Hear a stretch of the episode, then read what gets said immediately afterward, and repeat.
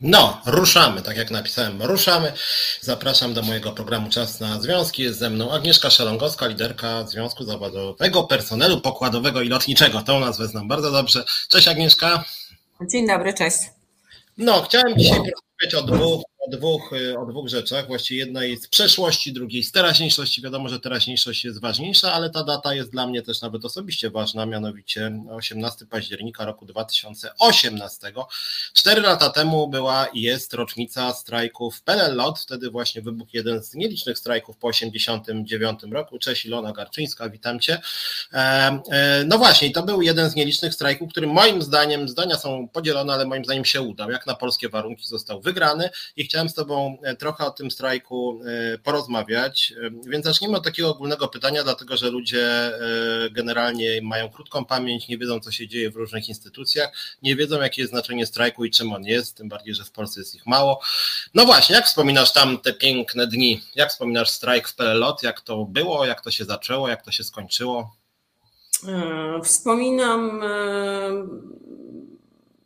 można powiedzieć, w taki dwojaki sposób. Z jednej strony właśnie jako wielki zryw, który nam się udało zorganizować, podrywać ludzi do tego, żeby e, chcieli zawalczyć o swoje prawa. E, z drugiej strony ten strajk miał bardzo dramatyczny przebieg. Wszyscy byliśmy zastraszani. E, w ogóle zanim on się rozpoczął, to już mieliśmy bardzo trudne momenty, dlatego że on początkowo miał się rozpocząć przed majówką w 2018 roku. E, sąd e, zakazał nam strajkowania dwukrotnie. E, LOT składał w sądzie pozwy o zabezpieczenie i sąd dwukrotnie się przychylił do tego. No, ważne jest to, że on był związany z, z takimi sporami zbiorowymi, które no, już trwały wiele lat i myśmy w ogóle z lotem się nie mogli w żaden sposób dogadać co do tego, jak to wszystko ma wyglądać w dalszym ciągu, jeśli chodzi o nasze wynagrodzenia, dlatego że nie było w firmie regulaminu wynagradzania, czyli takiego podstawowego, można powiedzieć, e, dokumentu, który by określał e, prac, płace e, pracownicze. I LOT twierdził, że właściwie to, co jest, to może nam zaproponować w dalszym ciągu, a myśmy uważali, że te płace, które mieliśmy, to wtedy e, wynagrodzenie starszej stewardesy wynosiło 4,5 tysiąca złotych. E, były osoby, które miały 3 tysiące złotych wynagrodzenia podstawowego, że to są po prostu zbyt małe wynagrodzenia za tak ciężką fizyczną i obciążającą psychicznie pracę. I nie mogliśmy się w ogóle dogadać. Ten spór trwał. Wreszcie podpisaliśmy protokół rozbieżności i przystąpiliśmy do referendum, e, które było w 90% ponad, e, zdaje się, że około 90% e, pracowników opowiedziało się za tym, żeby znaczy osób, które głosowały w tym referendum, dlatego że tam firma robiła też wszystko, żeby to referendum nie miało w ogóle kworum, tak? Na przykład pracownikom biurowym nie pozwalano brać udziału, Prezes osobiście zagłosował, chociaż nie jest pracownikiem. No, różne stosowano wybiegi, żeby doprowadzić do nieważności tego referendum, ale ono jednak było miarodajne. Ponad 50% pracowników wzięło w nim udział i spośród tych, którzy wzięli udział, ponad 90% opowiedziało się za przystąpieniem do strajku. I finalnie ten strajk y, ogłosiliśmy. No, oczywiście nie muszę mówić, że jeszcze zanim doszło do strajku, to zwolniono przewodniczącą naszego związku, y, która była, y, prowadziła ten spór zbiorowy z pracodawcą. I finalnie to zwolnienie stało się jak gdyby takim no, bezpośrednim, bezpośrednią przyczyną rozpoczęcia strajku. I ten strajk zaczęliśmy 18 e, właśnie października 2018 roku.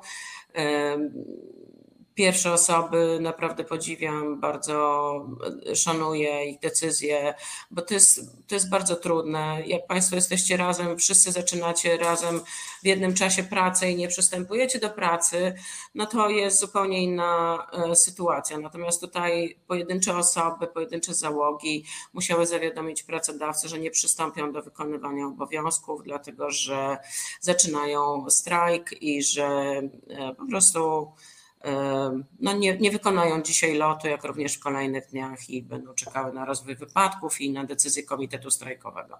I tak to się wszystko zaczęło. I ten nasz strajk trwał przez y, ponad dwa tygodnie, od 18 do 20, y, nie, przepraszam, do, no, od 18 to nie dwa tygodnie, e, do 29, 12 dni, 12 dni tak. E, I w nocy z jeśli, jeśli będziesz chciał, to ja trochę opowiem o, e, Opowiadaj, o tak, tak. Mhm. tam przebiegał. W każdym razie w międzyczasie no, działy się różne rzeczy, tak? Osoby były zastraszane, dzwoniło kierownictwo, e, zastraszali osoby, e, przyjeżdżała karetka na strajk, myśmy cały czas siedzieli przed budynkiem. Pierwszego dnia jeszcze pozwolono nam być w budynku, następnego dnia już nas do budynku nie wpuszczano, więc myśmy się musieli w jakiś sposób zorganizować. E, próbowaliśmy e, osłaniającą przed deszczem wiatę zainstalować, no nie było pozwolenia na to, oczywiście nie pozwalano nam korzystać z toalet. Pan prezes próbował udowodnić mediom, które po kilku dniach rzeczywiście zaczęły dosyć rzetelnie relacjonować to, co się e, dzieje na tym strajku. E, próbował udowodnić wszystkim, że w ogóle nasze zastrzeżenia co do tego, że strajk próbuje się siłą e, przełamać, są bezpodstawne. No, media akurat y, widziały, jak, y, jak rzeczywiście wygląda nasz dostęp do toalet, że nie działały nam przepustki, nie mogliśmy wjeżdżać na parking, y, straszono nas, że nam zabiorą to i tamto. Finalnie nas zwolniono z pracy, to było kilkadziesiąt osób. To też się odbyło w bardzo, bym powiedziała, no, mobbingujących warunkach, dlatego że pan prezes zaprosił komitet strajkowy na rozmowy do siebie. Y, bardzo długi miał monolog y, i w, w momencie, kiedy myśmy z nim słuchali go właściwie takiego długiego jego wystąpienia pod, naszą, pod naszym kierunkiem właściwie zastraszania, to przyszedł kolega ze strajku i powiedział, czy, czy wy wiecie, że w tym czasie, kiedy wy tutaj rozmawiacie, to zwalniani są mailowo pracownicy, którzy strajkują. I tych osób zostało zwolnionych wówczas 67, włącznie z nami. Mnie pan prezes Milczarski gonił po korytarzu, odczytywał mi jak akt oskarżenia moje zwolnienie z pracy. No i jeszcze była oczywiście szarpanina, bo nie chciał nas wypuścić e, z tego pokoju, w którym byliśmy. Także to wszystko w ogóle e, wspominam jako takie bardzo dramatyczne wydarzenia, a też z mojej strony no, wielka odpowiedzialność za przebieg tego wszystkiego. E, byłam jak gdyby taką osobą, która była wyznaczona do kontaktów z mediami, więc starałam się jak najbardziej rzetelnie z naszej strony to wszystko opisywać, pokazywać dramatyzm tego wszystkiego, pokazywać to, w jaki sposób w ogóle pan prezes nie potrafi kompletnie zarządzać y, y, kadrami. Y, nie szukał nigdzie ani nigdy porozumienia. Cały czas szedł na wojnę i próbował nas przesilić. A tymczasem naprawdę, no, jak potem okazały się, okazało się w tych bataliach sądowych, po prostu nie miał racji. E, nigdy nam nie udowodnił tego, że strajk był nielegalny, nigdy nam nie e, przyjął nas z powrotem do pracy, ale to mam wrażenie, że to już potem, kiedy zrobiło się naprawdę głośno po tych zwolnieniach naszych, e, mam wrażenie, że poszło z góry jakieś polecenie, które nakazało mu po prostu w jakiś sposób załagodzić tą sytuację. I finalnie 30 listopada, z 30 listopada na 1, z 30 października na 1 listopada w nocy podpisaliśmy z firmą porozumienie, e, które przywracało wszystkich e, do, do pracy na poprzednich warunkach. E, no, tam jeszcze kilka, kilka było klauzul, takich między innymi jak dwuletni spokój społeczny, że firma nie będzie wyciągać konsekwencji wobec osób, które strajkowały i parę jeszcze innych rzeczy, które, na których nam zależało. Między innymi to, że, że podpisaliśmy taką zgodę na to, żeby wynegocjować w ciągu kolejnych trzech miesięcy nowy regulamin wynagradzania. No, no i tak to się rzeczywiście stało. Ten regulamin, o ile pamiętam, troszkę się ta sprawa przeciągnęła, no ale finalnie mogę uznać, że jak gdyby te cele strajku zostały osiągnięte. Została przywrócona do pracy Monika Żelazik, wszyscy zwolnieni pracownicy i dodatkowo pracownicy dostali podwyżki.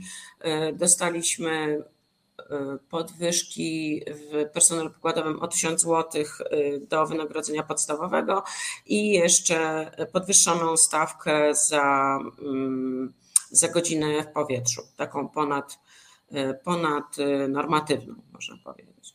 Więc z mojego punktu widzenia te cele strajku zostały osiągnięte. Natomiast no, gorzkie jest to, że pan prezes wyczekał dwa lata kiedy porozumienie przestało obowiązywać e, i uznał, że fantastycznym e, będzie pomysłem to, że e, ponieważ mamy koronawirusa i mamy spadek zapotrzebowania na pracę personelu pokładowego, no to zwolnimy właściwie większości strajkujących. I to taka właśnie jest niestety bardzo przykra historia, bo to są moje koleżanki, koledzy, którzy zostali bardzo nie, nie, niesprawiedliwie i źle potraktowani. Mam wrażenie, że to jest y, rodzaj zemsty. Ja ze swojej strony tylko uzupełnię, że to były dla mnie też ważne dni, bo ja wtedy poznałem i obecną tu Agnieszkę i Monikę Żelazik i właściwie wtedy się jakoś bliżej poznaliśmy. Ja pierwszy raz spotkałem się tutaj ze stewardessami, z kapitanami 1 maja i poznałem wtedy też pana Milczarskiego. Miałem e, e, okazję, że tak powiem w cudzysłowie przyjemność, ponieważ stanąłem na ławce i zacząłem mówić, że pana Milczarskiego warto byłoby wyprowadzić stąd i powinny służby nim się zająć, a pan Milczarski wtedy stał obok mnie, ja nie wiedziałem, który to jest, a on stał 10 metrów ode mnie. Tak, że tak powiem, wyglądał początek mojej pięknej, e, w cudzysłowie, znajomości z panem Milczarskim. E, dla mnie takim, poza tym, tymi sukcesami, które Agnieszka tutaj powiedziała, też pewnym sukcesem było to, że LOT mnie wtedy pozwał na 200 tysięcy złotych. 100 tysięcy miałem zapłacić Fundacji Jana Pawła II, co też było taką e, złośliwością pana Rafała, który wiedział, że ja nie przepadam za Janem Pawłem II. Natomiast również spółka została zmuszona do wycofania tego pozwu w ramach, nazwijmy to, porozumienia ze związkiem. Natomiast chciałem tylko jednym zdaniem podsumować to, co Agnieszka mówiła. Słuchajcie, 1000 złotych podwyżki wynagrodzenia zasadniczego e, w sytuacji, kiedy inflacja była mniej więcej czterokrotnie niższa niż teraz w związku z tym też warto docenić, to jest takie dzisiejsze 1500 de facto, więc to rzeczywiście był moim zdaniem bardzo duży sukces. Teraz związki walczą o to, żeby było, nie wiem, 600, 700 i nawet jak, e, jak w ZUS-ie myśmy krytykowali, że 600 wynagrodzenia zasadniczego plus 300 to jest mało, to część nam mówi, jak to mało, jak to strasznie dużo.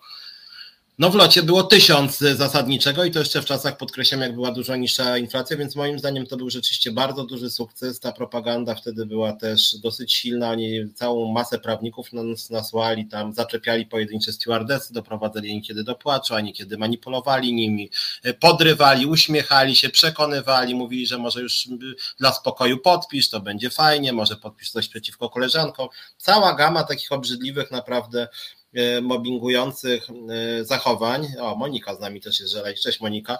Ja tylko może tą, e, bo, bo, lubię to przypominać, to jest jakiś taki mm, policzek moim zdaniem w pana Milczarskiego. Za to panie Rafale pan nas pozwać nie może, mianowicie cytat z pana Mateusza Morawieckiego z maila Dworczyka, który bardzo lubi. On bardzo dobrze oddaje, co się wtedy działo, mianowicie słuchajcie, w mailach Dworczyka ukazał się list pana premiera właśnie do całego tam towarzystwa na czele z Dworczykiem, mianowicie i to było pisane w czasie strajku o panu prezesie Rafale Milczarskim. Cytuję, to wygląda fatalnie. Niestabilny emocjonalnie prezes łamie wszystkie zasady prawa pracy i zwalnia dyscyplinarnie strajkujących w obronie zwolnionej wcześniej szefowej związku. Ludzie na zimnie koczują pod budynkiem, samoloty latają z obsadami niezgodnymi z przepisami. E, to jest oczywiście moim zdaniem bardzo adekwatny opis tego, co się działo. To, co ewentualnie w tym wszystkim jest smutne, że, że niestabilny emocjonalnie prezes, który łamał wszystkie zasady prawa pracy e, i e, samoloty latały z obsadami niezgodnymi z przepisami, pan prezes nie został za to zwolniony. A pan premier, no wręcz to bardzo ostro powiedział, że bezprawie po prostu panowało wtedy i to na kilku poziomach, a mimo to pan Milczarski w firmie Został tak na marginesie, jakbyście znaleźli. No, to jest nawet, na nawet jeszcze na następną kadencję przecież został e, tak. wybrany, tak? Więc e, nie, e, nie został rozliczony w żaden sposób. Tak, w związku z tym, no panie premierze, przypominamy, co pan sam o panu Milczarskim mówił. W międzyczasie jeszcze tam była ta ta grupa na WhatsAppie, co też tam sobie ukrywali różne nieprawidłowości w związku Greenberg. W związku z tym, no to jest dosyć bulwersujące, że pan, pan Milczarski cały czas jest prezesem, chociaż też trzeba przyznać, co myślę, że potwierdza się, tak jak ja to pamiętam, że pan Milczarski E, tuż po strajku znikł na kilka miesięcy i te negocjacje już w większości były prowadzone bez jego obecności, bo nawet ze mną się tam oni spotykali w sprawie anulowania tego mojego pozwu, to zawsze dwóch gości z zarządu bez pana prezesa, może dlatego, że mógłby się zdenerwować i nie chciałby anulować. Moim zdaniem to, że pana prezesa nie było y, na widoku, to umożliwiło w ogóle zawarcie tego porozumienia, dlatego że to jest y, moim zdaniem osoba, która jest nieskłonna w ogóle do jakiegokolwiek kompromisu. To jest jego, nie wiem, chyba taka postawa życiowa czy charakterologiczna. To jest osoba, która po prostu y, zawsze musi postawić na swoim i nie wiem, nie wiem z czego to wynika, mam pewne podejrzenia, ale to zostawię dla siebie. Natomiast e, wiem, że e, gdyby pan prezes Milczarski prowadził te negocjacje, to one by do niczego nie doprowadziły. Hmm. Znaczy też mam takie poczucie, tym bardziej, że pan prezes już tak e, złośliwie, że tak powiem, e, sam ten strajk można powiedzieć kontynuował, dlatego że formalnie rzecz ujmując ten strajk był właściwie o obecną tu Monikę Żelazik jako zwolnioną dyscyplinarnie liderkę negocjacji, e, no i prowadzącą negocjacje i pan prezes uparcie nie chciał jej przywrócić do pracy, przez to spółka straciła nawet nie wiemy do końca ile, bo tego lot nie chcę powiedzieć, ale kilkadziesiąt y, milionów złotych prawdopodobnie co najmniej. Myśmy na tym, e, e, bo w czasie strajku był, e, było coś takiego, że rzeczywiście nie było, bardzo dużo osób było na zwolnieniach lekarskich, bardzo dużo osób brało udział w, w strajku bezpośrednio.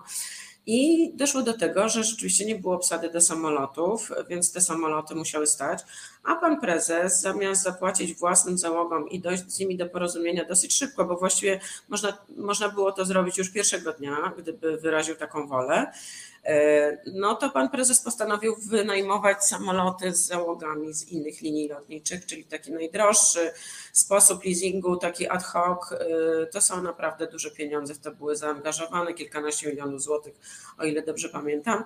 I e, wtedy pamiętam, Monika Żelazik była zwolniona z firmy i myśmy tak trochę sobie żartowali, że pan Milczarski to musi Monikę bardzo kochać, bo wynajmuje jej tyle sam, dla niej tyle samolotów, którymi ona nawet nie może latać, ponieważ już straciła uprawnienia.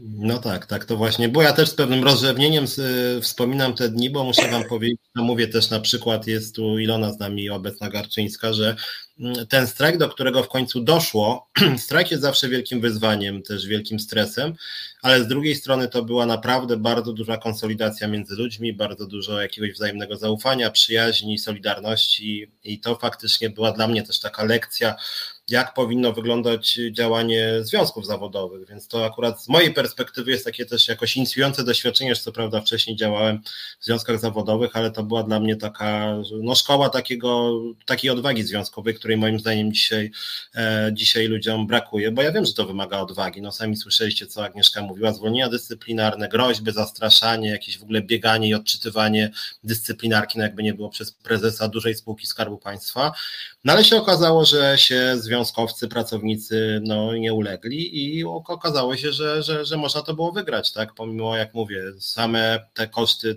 ci, ci prawnicy e, lotowcy to są miliony złotych, w związku z tym to była po prostu Dawid z Goliatem walczył, a mimo to, e, mimo to Goliat przegrał, więc warto o tym pamiętać, bo to dla mnie jest taki przykład czegoś, co naprawdę, o ile ja nie lubię specjalnie jakichś tam rocznic, że tak powiem, te dawne, piękne dni, to akurat to jest moim zdaniem coś, co warto śledzić jako pewien przykład, przykład związkowego działania, tak jak Monika pisze, trzeba mieć jaja, no ale wyzwaniem jest to, żeby, żeby więcej ludzi mieli jaja niż pięć osób, tak? I akurat jak chodzi o strajk w locie, to rzeczywiście się udało i to podziwiam do dzisiaj, że tak powiem myślę, że to jest takie sama, wydarzenie. Sama nie mogę w to wszystko uwierzyć. W sensie naprawdę e, nie, nie, nie chcę tutaj jakiejś swojej roli podkreślać, tylko chcę podkreślić naprawdę e, olbrzymie zaangażowanie moich koleżanek, kolegów, stewardes, stewardów, pilotów, e, którzy rzeczywiście no, postawili wszystko na jedną kartę całe swoje życie, bo to wszystko byli ludzie, którzy latali 20-30 lat, E, I po prostu czuli, że ta firma ich kompletnie nie docenia ani ich zaangażowania. E, I, e, I po prostu podjęli takie decyzje, i w naszych domach też nie było łatwo, tak? No wiadomo, każdy współmałżonek też liczy na to, że że kolejna pensja jest, po co to ryzykować, po co zadzierać, a może nie będzie tak źle, a może to się coś zmieni. Więc naprawdę te osoby poszły po prostu po bandzie takiej naprawdę życiowej i do tej pory y, przyjaźnimy się i y, bardzo, bardzo mamy do siebie zaufanie, bo się sprawdziliśmy w tych takich no, brzegowych, brzegowej sytuacji życiowej, tak? No ja też, tak jak powiedziałem, dla mnie też były ważne dni, jakaś taka szkoła życia i zaufania. Natomiast no, chciałem dzisiaj porozmawiać z Tobą o strajku, ale też od tamtego czasu trochę rzeczy się wydarzyło. E, tutaj pisze nawet Gosza, 4 lata temu to chyba wynagrodzenia znowu są niskie, taka intuicja jest Goszy. E, no właśnie, w międzyczasie się dużo rzeczy wydarzyło, e, oczywiście dużo rzeczy się wydarzyło i w transporcie lotniczym i na świecie i w Polsce, począwszy od epidemii koronawirusa, która jak wiecie, nie trzeba być ekspertem, żeby wiedzieć, że duże epidemie mają duży wpływ na transport lotniczy. No ale właśnie, był ten, był ten październik, później listopad 2018, mniej więcej trzy miesiące temu, mniej więcej po trzech miesiącach zostało podpisane to porozumienie, 1000 zł podwyżek dla stewardess. No i generalnie rzecz biorąc, to tak wyglądało, że była taka e, perspektywa spokoju społecznego, jak sam powiedziałeś, dwa lata. No ale właśnie, coś się nagle zaczęło psuć między innymi dlatego dzisiaj sytuacja nie wygląda już tak e, różowo. Co się właściwie stało? Strajk skonsolidował środowisko, został osiągnięty pewien sukces, czy moim zdaniem nawet duży sukces. Co doprowadziło do takiego pogorszenia sytuacji, kiedy ta sytuacja się zaczęła pogarszać, jak koronawirus, epidemia wpłynęła na pracowników, na relacje z prezesem, co pan prezes robił. Spotkałem go swoją drogą na tegorocznym forum w Karpaczu, gdzie e, jak to on zwykle mówił, że on fenomenalnie zadbał o firmę i o pracowników. Ja mu powiedziałem, że szkoda, że z tych 3 miliardów nawet 10 milionów nie przeznaczył dla pracowników. No i wtedy już powiedział, panu się nigdy nic nie podoba. No ale właśnie, jak to, jak to było przez od, powiedzmy sobie od roku 2020 czy nawet 2019? Co, co, co się tam wydarzało i co się stało, że ta sytuacja się pogorszyła? Jeszcze witam też Ewę Szymańczyk, która pisze, że również strajk był jednym z najważniejszych wydarzeń w jej życiu.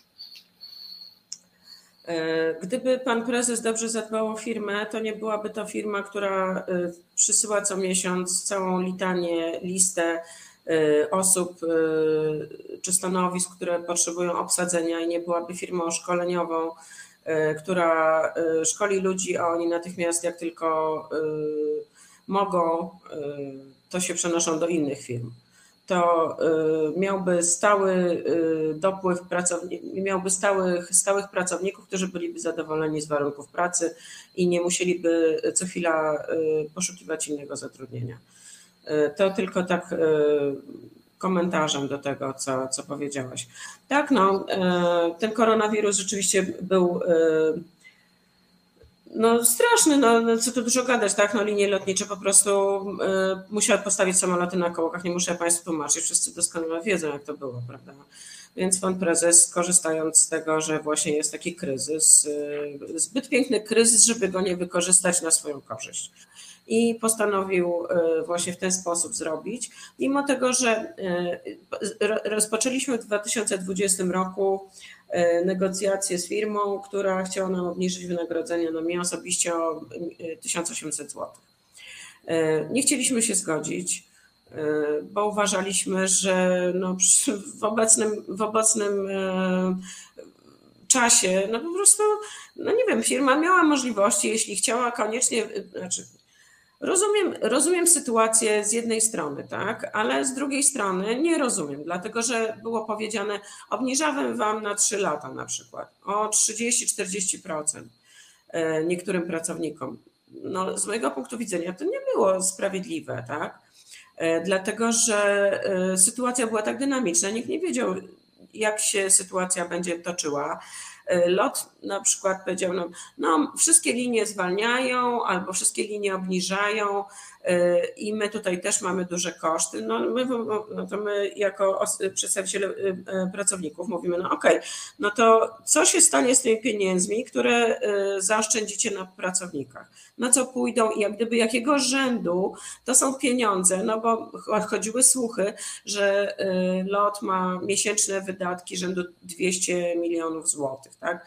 Więc jak gdyby oszczędności na tych załogach, czy na pracownikach w ogóle, to po prostu jakaś kropla w morzu była. Myśmy w ogóle tego nie widzieli w takim, znaczy, żeby była jasność, też oczywiście zgodziliśmy się jako związkowcy na tarczę, y, na to, żeby zgodnie z prawem, tak jak wszystkie firmy obniżały, żebyśmy też mieli obniżone o 20% przez 3 miesiące i chcieliśmy obserwować sytuację. No ale tam już oczywiście były inne plany. E, I ponieważ LOT, nie wiem, z jakiegoś powodu postanowił nie zmienić jednostronnie regulaminu wynagradzania, to ówczesna pani dyrektor Heru jako propozycję szantażującą nas położyła na stole e, przeniesienie wszystkich na pół etatu. I finalnie do tego doszło. E, tutaj jeszcze muszę powiedzieć, że, że to nie jest tak, że że tylko my wykonujemy pracę na pokładzie, dlatego że osoby na umowach o pracę są w tej chwili w mniejszości. I, i ta, I ta y, dysproporcja pomiędzy osobami, które są przez Lipną spółkę, córkę zaciągane na śmieciówkach B2B, y, po prostu pogłębia się z każdym rokiem. I w tej chwili już jest myślę, że około 3 do 1. Trzy razy więcej osób na B2B niż osób na umowach o pracę. Więc jak gdyby no, no, widzieliśmy też tę dysproporcję, tak? Chcieliśmy, żeby, żeby pracodawca w jakiś inny sposób e, szukał oszczędności, miał naprawdę możliwości zlikwidowania bazy w Budapeszcie, racjonalizacji jakichś innych kosztów, a skupił się tylko na tym, żeby zabrać załogą. I tak doszło do tego wprowadzenia pół etatu. Na tym pół etatu byliśmy przez kilka miesięcy. I w 2021 roku, w 2020 roku, czyli po kilku miesiącach tego półetatu, pracodawca nas poinformował, że przystępuje do zwolnień grupowych. Czyli w ogóle jak gdyby nastąpiło y, kompletny rozjazd na narracji, tak? Bo narracja była, przynosimy was na pół etatu, żeby ochronić miejsca pracy, a jak pod koniec roku się y, firma czy zarząd, nie wiem, kto podejmuje te decyzje, czy domyślam się, że prezes Milczarski, że okazało się, że będzie spore dofinansowanie ze strony Skarbu Państwa i jak wiemy LOT został dofinansowany jedną z największych kwot w Polsce, czyli 3 miliardy złotych natychmiast ogłosił, że przystępuje do zwolnień grupowych. I te zwolnienia grupowe skupiły się, no, takie są fakty. Moim zdaniem, e, ja to mówię zresztą w sądzie, moim zdaniem było tak, że zostały dobrane osoby do zwolnienia, potem wypełniono, znaleziono jakieś powody, dla których te osoby można zwolnić i je zwolniono. E, część osób, których nie można było zwolnić, w ogóle nie były objęte żadnymi negocjacjami ze związkami zawodowymi. E, czyli na przykład osoby w ochronie przedemerytalnej, w ochronie, w ochronie związkowej, e, z nienacka została przeniesiona do pracy poniżej ich kwalifikacji na lotnisku Chopina i zajmują się tam naprawdę rzeczami, które nie wymagają ani kompetencji zbyt wielkich, nie miały nawet żadnych szkoleń, o ile dobrze mi wiadomo. No, taka sytuacja. No. I rozmawialiśmy niedawno o tym z, z prezesem Wilkiem. Nie ma w ogóle mowy o tym, żeby osoby przywrócić do pracy, czyli tym bardziej, mimo tego, że ruch y, wrócił już praktycznie w olbrzymim stopniu do tego, co było przedtem, przed pandemią. I ustawa mówi, że w pierwszej kolejności należałoby przyjąć osoby zwolnione, to postępowanie firmy udowadnia, że to nie były zwolnienia, które były spowodowane koronawirusem, tylko zemstą bo teraz te osoby składały y, chęć y, powrotu do pracy, ale niestety ich podania w próżnię padają. E, nie odpowiada się i nie przyjmuje się ich z powrotem. Więc to świadczy o tym, że po prostu firma chciała zwolnić konkretne osoby i te konkretne osoby zwolniła bez, e, bez żadnych skrupułów. Ja też tak nawiązując do tego, co Monika napisała tutaj o zarobkach pracodawcy, żeby nie wprowadzić w błąd, pan prezes Milczarski, e, tak akurat dosyć niedawno temu wyszło na jaw, ile on tam zarabiał, bo to były też ponawiane wnioski w ramach informacji publicznej, na które on nie odpowiadał, wręcz tam sądy go ścigały, za to w końcu to Wardog go ścigał, w końcu się okazało, że w samym 2017 roku, więc jakby przed strajkiem tuż zarobił 2 miliony 800 tysięcy złotych w ciągu roku, 2 miliony 800 tysięcy, czyli około 11 tysięcy złotych dziennie pan prezes zarobił, sam pan prezes, a przecież jeszcze jest zarząd cały cztero czy pięcioosobowy. W związku z tym no, koszty jakby sobie tak policzyć, żeby w ogóle nie zwalniać stewardess i żeby zachować im wynagrodzenia, to byłyby niewiele większe te koszty niż koszty kilkuosobowego zarządu roczne, więc to też dosyć niesamowite, że, że jak chodzi, no znaczy to jest jakaś taka klasyka niestety na w końcu spółka Skarbu Państwa, że jest potężny kryzys i nic nie słychać o oszczędnościach na zarządzie, który to zarząd, jak mówię, zarabia miliony, bo kurczę, 2 miliony 800 tysięcy w rok zarobić to jest jakaś tak kosmiczna kwota, że się właśnie trochę w głowie nie mieści. Dlaczego akurat tak no myśmy, proponowali, żeby, no myśmy proponowali właśnie, żeby zarząd rozpoczął yy, oszczędności od siebie i byłoby to bardzo motywujące dla członków y, załóg i dla wszystkich pracowników, gdyby zobaczyli, że firma podchodzi poważnie. Natomiast tutaj y, chodziło tylko o to, żeby, y, żeby po prostu jak zwykle, tak, ci, co są najniżej w drabinie, żeby ponieśli koszty, a ci, co są wyżej, no to po prostu jak gdyby spijali śmietankę i korzystali z kryzysu. Mhm. No tak jest niestety w wielu spółkach. Teraz też mamy kryzys i nic nie słychać o cięciach. E, to może dwa słowa jeszcze o tym kwestiach tych osób zatrudnionych w ramach umów e, tak zwanych śmieciowych czy B2B, firma firma. Powiedziałeś, że obecnie już jest ich mniej więcej trzy razy tyle co tych etatowych. Etatowych według mojej wiedzy przynajmniej jak chodzi o personel lotniczy i pokładowy się w ogóle nie zatrudnia. Tak na marginesie myśmy z Moniką Żelać jako Związkowa Alternatywa składali wniosek na policję, że ta spółka, która rejestrowała e, pilotów Lot Crew w ogóle nie była zarejestrowana przez lata poszliśmy na policję, bo pan prezes zapomniał, czy nie chciało mu się zarejestrować jej przez trzy lata, po czym i rzeczywiście nie była, bo to jest publiczny wykaz jest tych agencji zatrudnienia i nie było spółki e, Lotkru. Pan prezes jakoś nie chciał, twierdził, że jemu wolno nie rejestrować, więc naszym zdaniem działał bezprawnie. I słuchajcie, okazało się, że policja jakby z dużą, że tak powiem, wyrozumiałością nas słuchała i się nawet pytali, a dlaczego on waszym zdaniem tego w ogóle nie zarejestrował? Przecież to jest na oko łamanie przepisów. My, no bo najwyraźniej najwyraźniej tak ma jak pan Ziobro, czy pan Kaczyński tak lubi może omijać przepisy, po czym słuchajcie, się okazało, że po mniej więcej czterech miesiącach jednak poszła z góry jakaś tam informacja, że, że, że, że jednak nie, bo proces rejestracji trwa. To już trzeci rok nie było zarejestrowania i że trwa. I się okazało, że mniej więcej chyba kilka miesięcy temu dopiero się ukazało, że spółka Lotkru jest zarejestrowana i że jest zarejestrowana właśnie od lat chociaż wtedy nie była przez trzy lata, więc to jakiś jest przekręt w ogóle. No ale tak, tak się niestety działa, tak funkcjonuje polskie państwo, jak, jak może widzieliście, pan prezes Milczarski, znany między innymi z tego, że przynosił taki model samolotu do prezesa Kaczyńskiego, więc ma tak zwane plecy, że tak powiem, wysoko. E, no ale wracając do tej sytuacji, co powiedziałem o tych osób w ramach B2B, jak, jak, jaka jest relacja między pracownikami etatowymi a B2B? Nie, nie mam na myśli personalne, bo to różnie bywa, ale mam na myśli, e, że tak powiem, pracownicze, czy to są jakby, no bo rozumiem, że oni te same obowiązki wykonują, jak, jak się mają ich w ogóle warunki pracy, e, czy jest jakakolwiek różnica w podejściu pracodawcy, czy ktoś tu jest dyskryminowany, czy, czy pracodawca udaje, że to właściwie nie ma różnicy, jak to jest?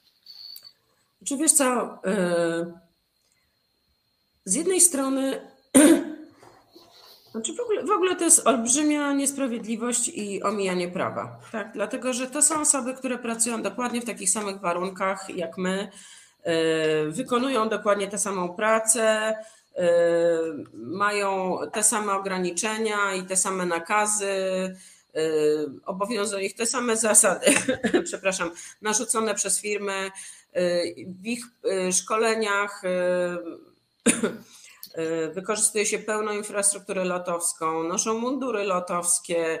Y, nie wiem, no po prostu mieszkamy razem w tych samych hotelach, pracujemy przy jednym wózku y, i siedzimy na jednym jumpseacie i my mamy pra prawa pracownicze, a oni nie mogą mieć tych praw, tak? Są zatrudniani poprzez właśnie tę spółkę, córkę jeśli chodzi o personel pokładowy lot cabin crew i to jest e, po prostu chucpa i oszustwo i, e, i chodzi tylko o to, żeby po prostu mieć e, osoby, które można łatwo wyrzucić, można traktować je źle, można od nich wymagać więcej i straszyć je karami finansowymi. Ponadto wiadomo, że osoby na B2B no najczęściej płacą najniższą składkę zdrowotną i, i wszelkie inne składki. Wobec tego no nie mogą liczyć na jakiekolwiek benefity w wysokości takiej jak pracownik, wtedy kiedy na przykład idą na zwolnienie lekarskie czy na macierzyński. To jest kilkaset kobiet, które nie mają szans na to, żeby założyły rodzinę, dlatego że nie mają zabezpieczenia. Przypominam, że wtedy, kiedy jest się w ciąży, nie można wykonywać pracy stewardesy. Wobec tego no, albo firma pozwoli pracować w biurze. Czasami się to zdarza, aczkolwiek nie spodziewam się, żeby w stosunku do osób B2B coś takiego nastąpiło. Te osoby mają zawieszane bądź kończone kontrakty i ewentualnie e, po powrocie mogą się ubiegać o, po powrocie z, z macierzyństwa mogą się ubiegać o ponowne przyjęcie e, nie mają przyzwoitych zasiłków, nie mają zasiłków chorobowych, macierzyńskich, urlopów wychowawczych. No tego wszystkiego po prostu nie mają e, i nie będą mieć, dlatego że ta forma zatrudnienia, oszustwo takie, po prostu tego wszystkiego ich pozbawia. Ja swoją drogą e, kilkukrotnie już się zwracałem i do inspekcji pracy, i do pana premiera, i do pani minister pracy, że właśnie w polskich liniach lotniczych lot jest łamane prawo pracy, że, e, że tam, gdzie są spełnione wszystkie warunki etatu, to tego etatu nie ma, że jest na masową skalę promowane śmieciowe zatrudnienie. Kiedyś panu Milczarskiemu też o tym osobiście mówiłem, to on mi powiedział, jak mu powiedziałem, że on łamie prawo pracy, to on mi powiedział, że jestem nienowoczesny, bo jego zdaniem B2B jest bardzo nowoczesny. Nie wiedzieć, dlaczego Niemcy jest z tym e, nowoczesnego. No, no, oczywiście, może są osoby, dla których to jest korzystne, może chcą tak pracować, ale jeśli tak, y, to może niech te osoby podejmą same decyzje. Skoro, chociaż ja uważam, że powinno być po prostu y, wymóg y, taki, jak jest w prawie, czyli praca pod nadzorem w określonym miejscu i czasie jest pracą etatową, koniec. Mhm. No też mi się tak wydaje. Chcesz być freelancerem, zmień zawód. Swoją drogą jest, jest to jakaś taka klasyka, że teraz jeszcze Dariusz Pawelczak nas przyszedł, więc mamy na czacie trójkę zwolnionych dyscyplinarnie e, liderów związku i czwarty jest na wizji. I wszystko to są instytucje państwowe lub samorządowe. Darek w koło brzegu został zwolniony dyscyplinarnie w komunikacji miejskiej, e, Monika i Agnieszka w locie, Ilona Garczyńska w ZUS-ie, więc to jest jakiś taki zwyczaj tych no, zwolnień ja jeszcze pracuję, ja, ja, jeszcze pracuję. Nie, ty jako, ty jako jedyna mówię, no ty i Monika wtedy zostałyście przywrócone do pracy, ale jednak pracodawca wbrew artykułowi 32 ustawy o związkach zawodowych zwolnił. W związku w ogóle te zwolnienia na pstryknięcie palcem, kiedy ustawa wprost mówi, że chronionego lidera zwolnić po prostu nie wolno. Można uważać, że to za daleko idzie, no ale takie są przepisy. I tak samo z tym artykułem 22 kodeksu pracy. Jak jest napisane, że jak jest miejsce pracy, czas pracy i podległość służbowa musi być etat, to musi być etat. Pan Miczarski może uważać, że to jest nienowoczesne, że to jest niepotrzebne, że to jest głupie. No ale prawa moim zdaniem e, wypada przestrzegać. Natomiast e, e, przechodząc do tego, co bo już wspominałaś trochę o tym, że w sądzie zeznawałaś, również o tych sprawach, o których tutaj mówiłaś. Wiem, że sporo spraw sądowych związanych właśnie z, ze związkowcami Związku Zawodowego Personelu Pokładowego i Lotniczego. Czego dotyczą obecnie te sprawy właśnie wasze z pracodawcą? O co chodzi, na jakim etapie są te sprawy, jak widzisz perspektywy? Wiesz co, E, te sprawy są, e, kilka różnych rzeczy obejmują. E, przy czym chcę powiedzieć, że jedna osoba może mieć kilka różnych spraw z tym samym pracodawcą, oczywiście. Pierwsze sprawy, które pracownicy zaczęli zakładać, to są sprawy, które wyniknęły z przeniesienia nas na pół etatu. Pracodawca nie dość, że miał inne możliwości i E, postanowił to zrobić siłowo. E, po drugie, e, wysyłał nam zmianę warunków zatrudnienia mailowo i jak się potem okazało, tam nie było podpisu elektronicznego. I to już jest wykazane przez, przez biegłego. E, jakiś plik nie został dołączony, co skutkowało tym, że odbiorca nie mógł tego podpisu e, zweryfikować. Ja na przykład nie mogłam zweryfikować. Nie znam nikogo, u kogo byłoby podpisane prawidłowo. E, wobec tego, skoro ja jako odbiorca nie mogę zweryfikować podpisu, to uznaję, że tego podpisu tam nie ma.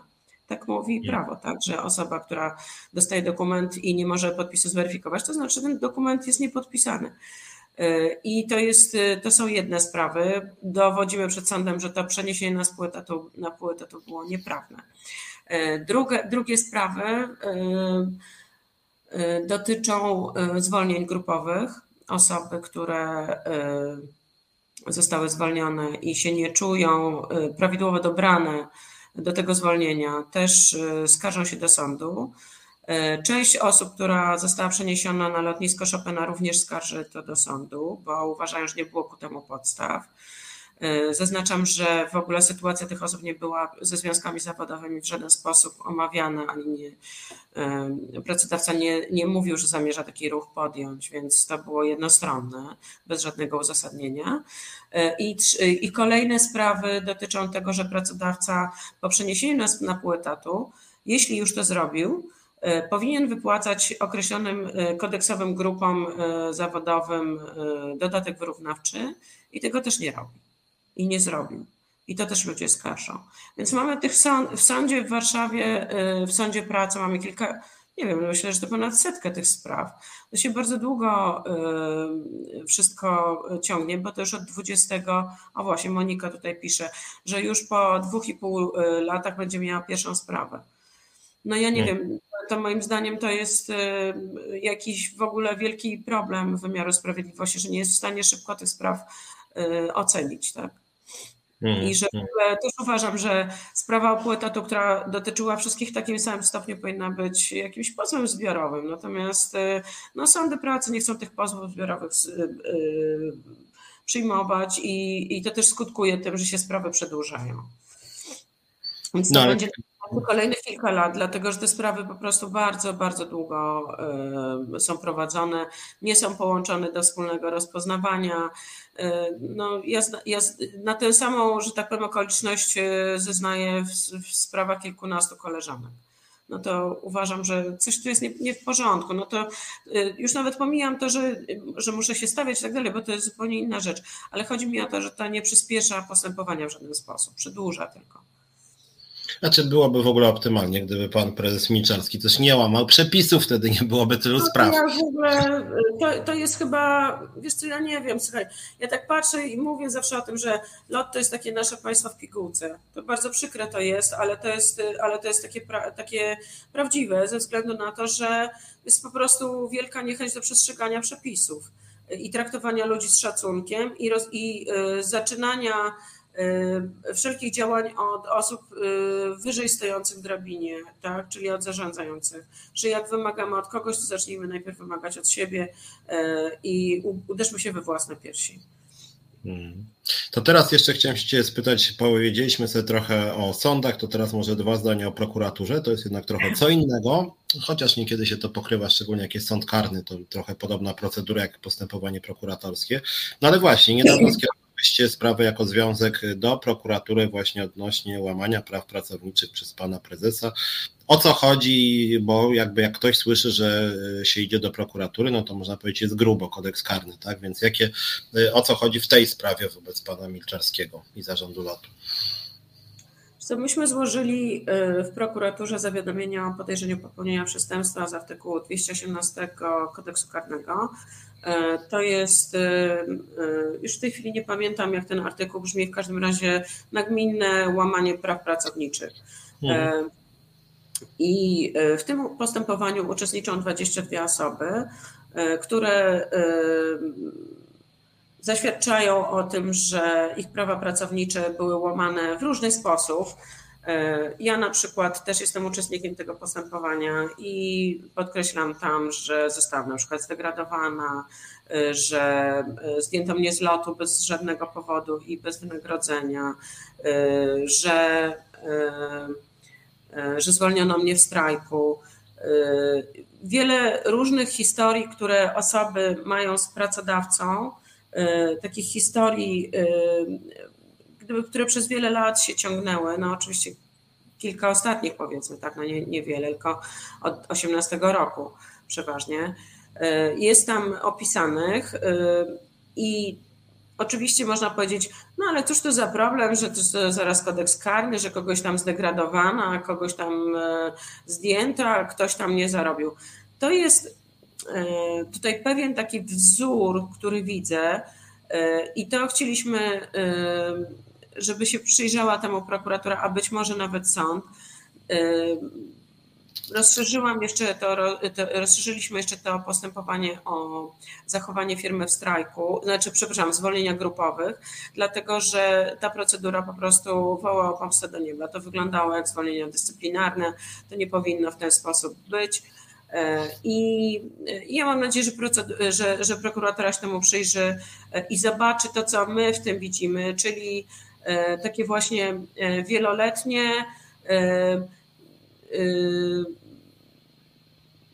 wieloletnie złe traktowanie pracowników, po prostu. Niechęć do dogadywania się, niechęć do rozwiązywania spraw pracowniczych, wszystko na siłę i złośliwie, jednostronnie przez firmę traktowane. Moim zdaniem to jak gdyby skala tego i okres, przez który to się dzieje, wypełnia znamiona tego przepisu. Mhm. Zresztą my pomyślimy też nad tym, bo w ZUS-ie właściwie jest trochę podobnie, o którym będziemy za kilkanaście minut y, no rozmawiać. I, I chciałam to powiedzieć jeszcze, bo to też w sumie e, może Państwa zainteresuje, że robimy to razem z kancelarią e, i mamy nadzieję, że po prostu znajdzie to swój pozytywny jakiś ciąg dalszy. Mhm. No też mam nadzieję, znaczy my, my, dla odmiany jako centrala, jako związkowa alternatywa pisaliśmy, jak mówiłem, do pana premiera, minister pracy, Państwowej Inspekcji Pracy, co mnie zszokowało szczególnie odnośnie Inspekcji Pracy, która powinna jakby nie było zajmować się takim nadzorem nad przestrzeganiem prawa pracy i powinna działać w pełni transparentnie. Raz nam odpisała na zarzut o to, że między innymi są nadużywane umowy cywilnoprawne, odpisała, że, że utajnia swoje działania, co jest dla mnie w ogóle szokujące. Ja nie wiem, jak, jak Państwowa Inspekcja Pracy może utajniać działania odnośnie jeszcze spółki Skarbu Państwa. No, albo jest prawo przestrzegane, albo nie, więc to też jakieś takie są czasem dziwne, dziwne e, zachowania, że tak powiem, czołowych polskich instytucji. Natomiast chciałem się Cię jeszcze spytać o jedną rzecz, która częściowo wiąże się z, e, z tym, co, co ostatnio nawet indywidualnie się zająłem, mianowicie prowadzę takie małe badanie na temat Centralnego Portu Komunikacyjnego z funduszem imienia wójca Henryka. Ja tam w ramach tego projektu wysłałem do pana Chorały sporo pytań odnośnie CPK-u, no ale jakby nie było, rozwój CPK-u powinien wpłynąć na waszą sytuację, znaczy zdaniem rządu bardzo nawet wpłynie, oni chcą, moim zdaniem to jest wszystko ściema, no ale deklaratywnie rząd mówi, że e, zlikwiduje okęcie dla lotów e, pasażerskich, e, przeniesie je na CEPEK właśnie to w sumie w perspektywie kilku lat. Jak ja czytam te ich plany, to dla mnie łapie się za głowę, ale oni twierdzą, że po prostu ruch lotniczy się zwiększy tam kilkukrotnie. No więc ja rozumiem, że zwiększy się kilkukrotnie liczba stewardess, liczba kapitanów, jak e, wy jako pracownicy e, lotu, jako stewardesy, też jako wieloletni pracownicy, więc też wiesz co tam, jak to się mówi, w trawie piszczy, jak się zapatrujesz, czy pan Milczarski, który jest w ogóle gorącym zwolennikiem CPK-u z tego, co ja widzę i słyszę, jak wy to postrzegacie, bo jak tak słucham tego, co mówi pan Chorała, to jestem pomijając wszystko inne, zszokowany, że oni zwalniają ludzi, skoro twierdzą, że w perspektywie kilku lat to w ogóle ten ruch lotniczy to będzie w Polsce jakieś, no nie wiem, razy trzy więc powinni chyba zatrudniać nowych pracowników. Jaki jest wobec Was komunikat? Jak Ty to widzisz? Czy zatrudniać zatrudniają, znaczy nie zatrudniają, tylko y, nawiązują współpracę, tak? Y, nawiązują współpracę z coraz to nowymi osobami właśnie na tych śmieciówkach poprzez tę spółkę córkę. I, i, I właściwie robią to non-stop i non-stop brakuje ludzi. E, i non-stop e, osoby odchodzą. E, I nie dlatego, że przestaje im się podobać ta praca, tylko przestaje im się podobać praca w tej firmie, bo się po prostu nie czują szanowani, nie widzą, żeby ktoś doceniał ich pracę. Nie odpowiadają im też warunki, które są proponowane właśnie do B2B, gdzie za spóźnienie do pracy na przykład można zostać obciążonym karą 500 złotych. Hmm. Więc e, cały czas wisi nad nimi jakiś topór i cały czas są zastraszane. Po prostu są też dorośli ludzie, chcą być poważnie traktowani jak każdy z nas. E, a nie jak wieczne dzieci, które po prostu wisi nad nimi pasek, tatuś stoi z paskiem albo z e, nie wiem, zabierze, zabiorę ci tygodniu, z tygodniówka albo będziesz mieć szlaban.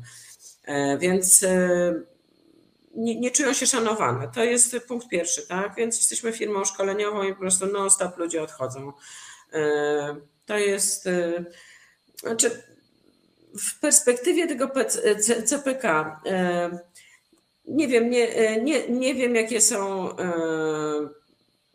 mm, możliwości rozwoju ruchu lotniczego w Polsce w tak długiej perspektywie, bo myślę, że tego nikt naprawdę nie wie, dlatego że teraz widzimy, że będzie mega spowolnienie gospodarcze i być może nawet jakiś potężny kryzys, a to będzie miało przełożenie też na, na to, że ruch samolotowy nie będzie tak szybko rósł jak do tej pory po pandemii na przykład albo jak w 2019. To są wszystko naczynia połączone, tak? Już ludzie rezygnują z wycieczek w biurach podróży ruch e, czarterowy będzie też prawdopodobnie mocno musiał się ograniczyć.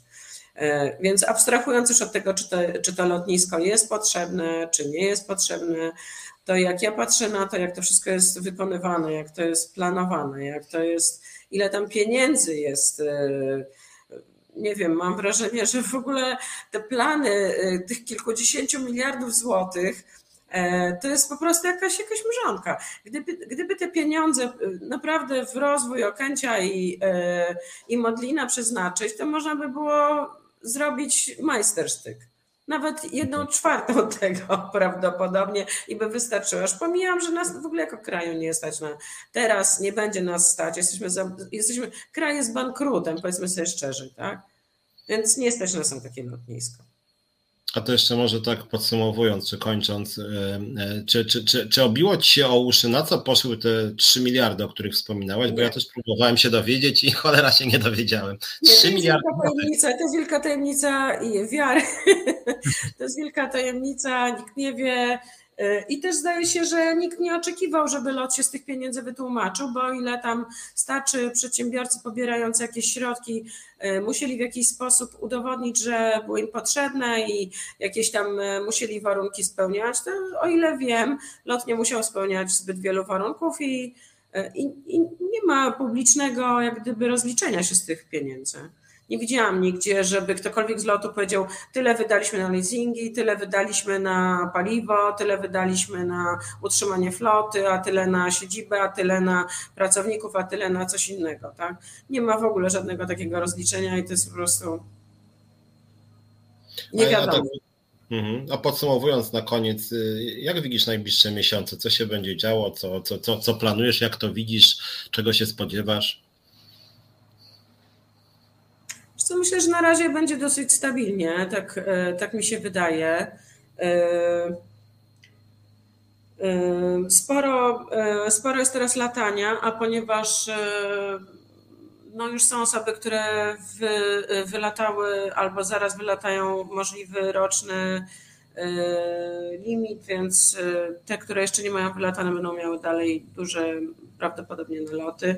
Dla nas to jest y, y, no, taki niezły okres y, do zarabiania pieniędzy, tak? ale też to okupione jest bardzo dużym zmęczeniem, dlatego że no, mamy mnóstwo lotów długodystansowych, pracy w nocy, zmian stref, niedospania i tak dalej, więc no, zmęczeni są ludzie po prostu bardzo. No.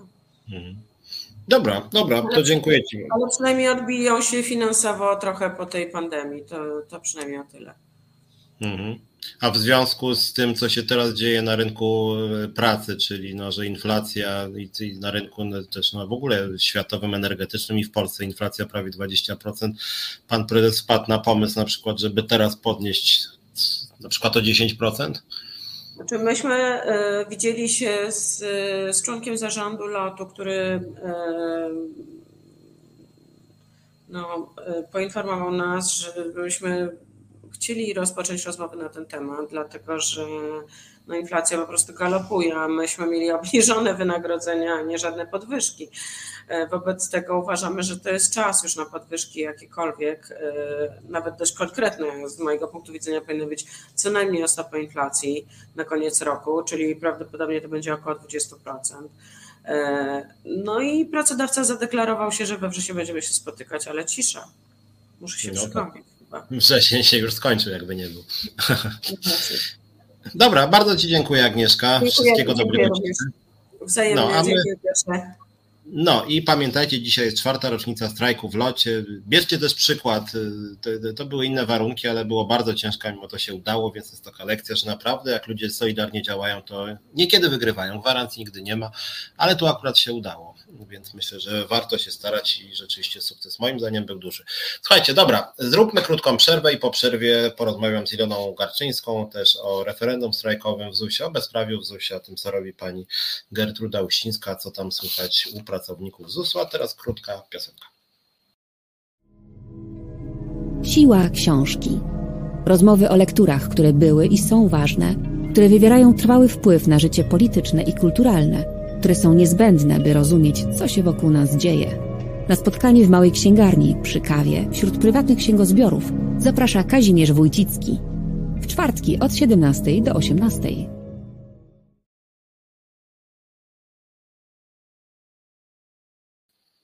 No i wracamy. Piotr Szynewicz, czas na związki. Dziękuję Meandratorowi, który jest naszym producentem. Natomiast mamy już drugiego gościa czy gościnie. Ilona Garczyńska jest ze mną. To znowu ja. Cześć, no, mieliśmy, Mieliśmy jedną liderkę związku zrzeszonego w Związkowej Alternatywie, teraz mamy drugą. Jedna brała udział w akcji strajkowej 4 lata temu, została zwolniona dyscyplinarnie, podobnie jak obecna na forum Monika Żelazik.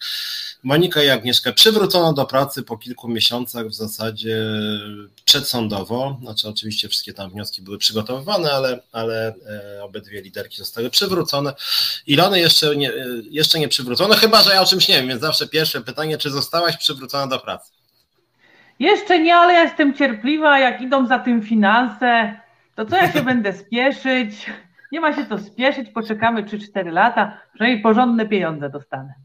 No, pamiętajcie o tym, niech pani Gertruda Uścińska pamięta, że jak chodzi o chronionego związkowca, to dostaje pensję jakby za cały okres trwania procesu, czyli jeżeli by trwał na przykład 3 lata, to jest 36 pensji.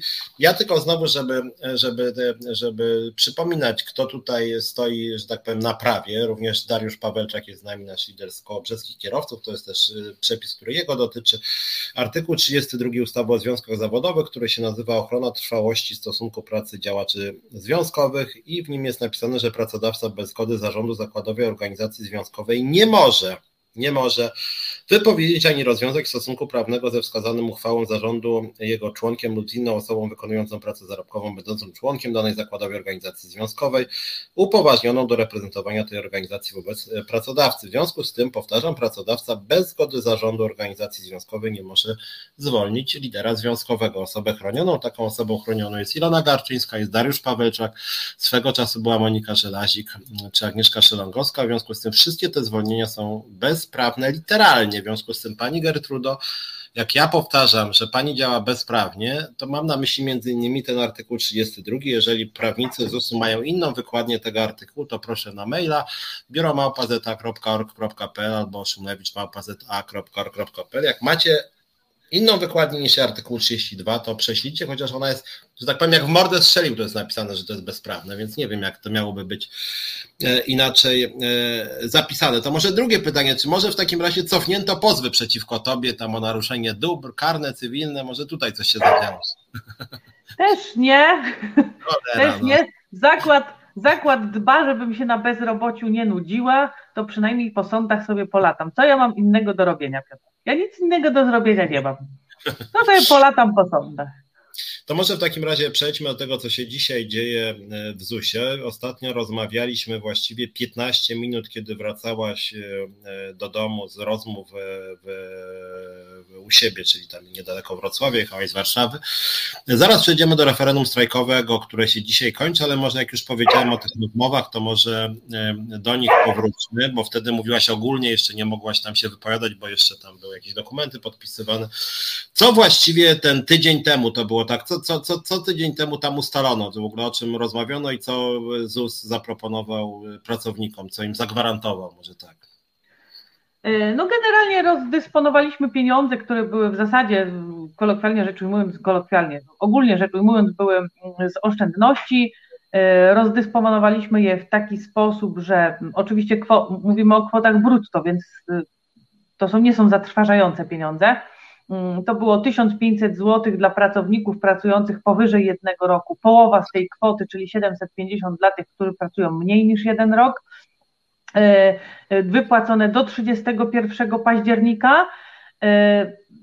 Dodatkowo 600 mm, zł takiego do, do, ale to też będzie wrzucane do puli, także pracownicy też nie myśleli, że dostaną ekstra 600 zł. To jest 600 zł na osobę brutto oczywiście do trzeciego kwartału, tu pracownicy się będą orientować, 400 mm, zł do trzeciego kwartału, y, do czwartego kwartału, przepraszam, no i 700 zł na tą chwilę y, do tak zwanego karpikowego, ale pieniądze z karpikowego mogą być wyższe, będziemy je dzielić, y, spotkanie mamy wyznaczone na 13 grudnia, także wtedy podejrzewam, będziemy te pieniądze dzielić. Więc jak sami widzicie, to nie są ani pieniądze pozyskane skądś, to są pieniądze z oszczędności na pracownikach, to są pieniądze, które im się należą i, i też w zasadzie nie zaspokajają y, potrzeb wszystkich pracowników. Jak inflacja pędzi, y, każdy doskonale wie, płacąc rachunki w sklepach, tankując samochód. Y, także nie sądzę, że jest wiele osób zadowolonych.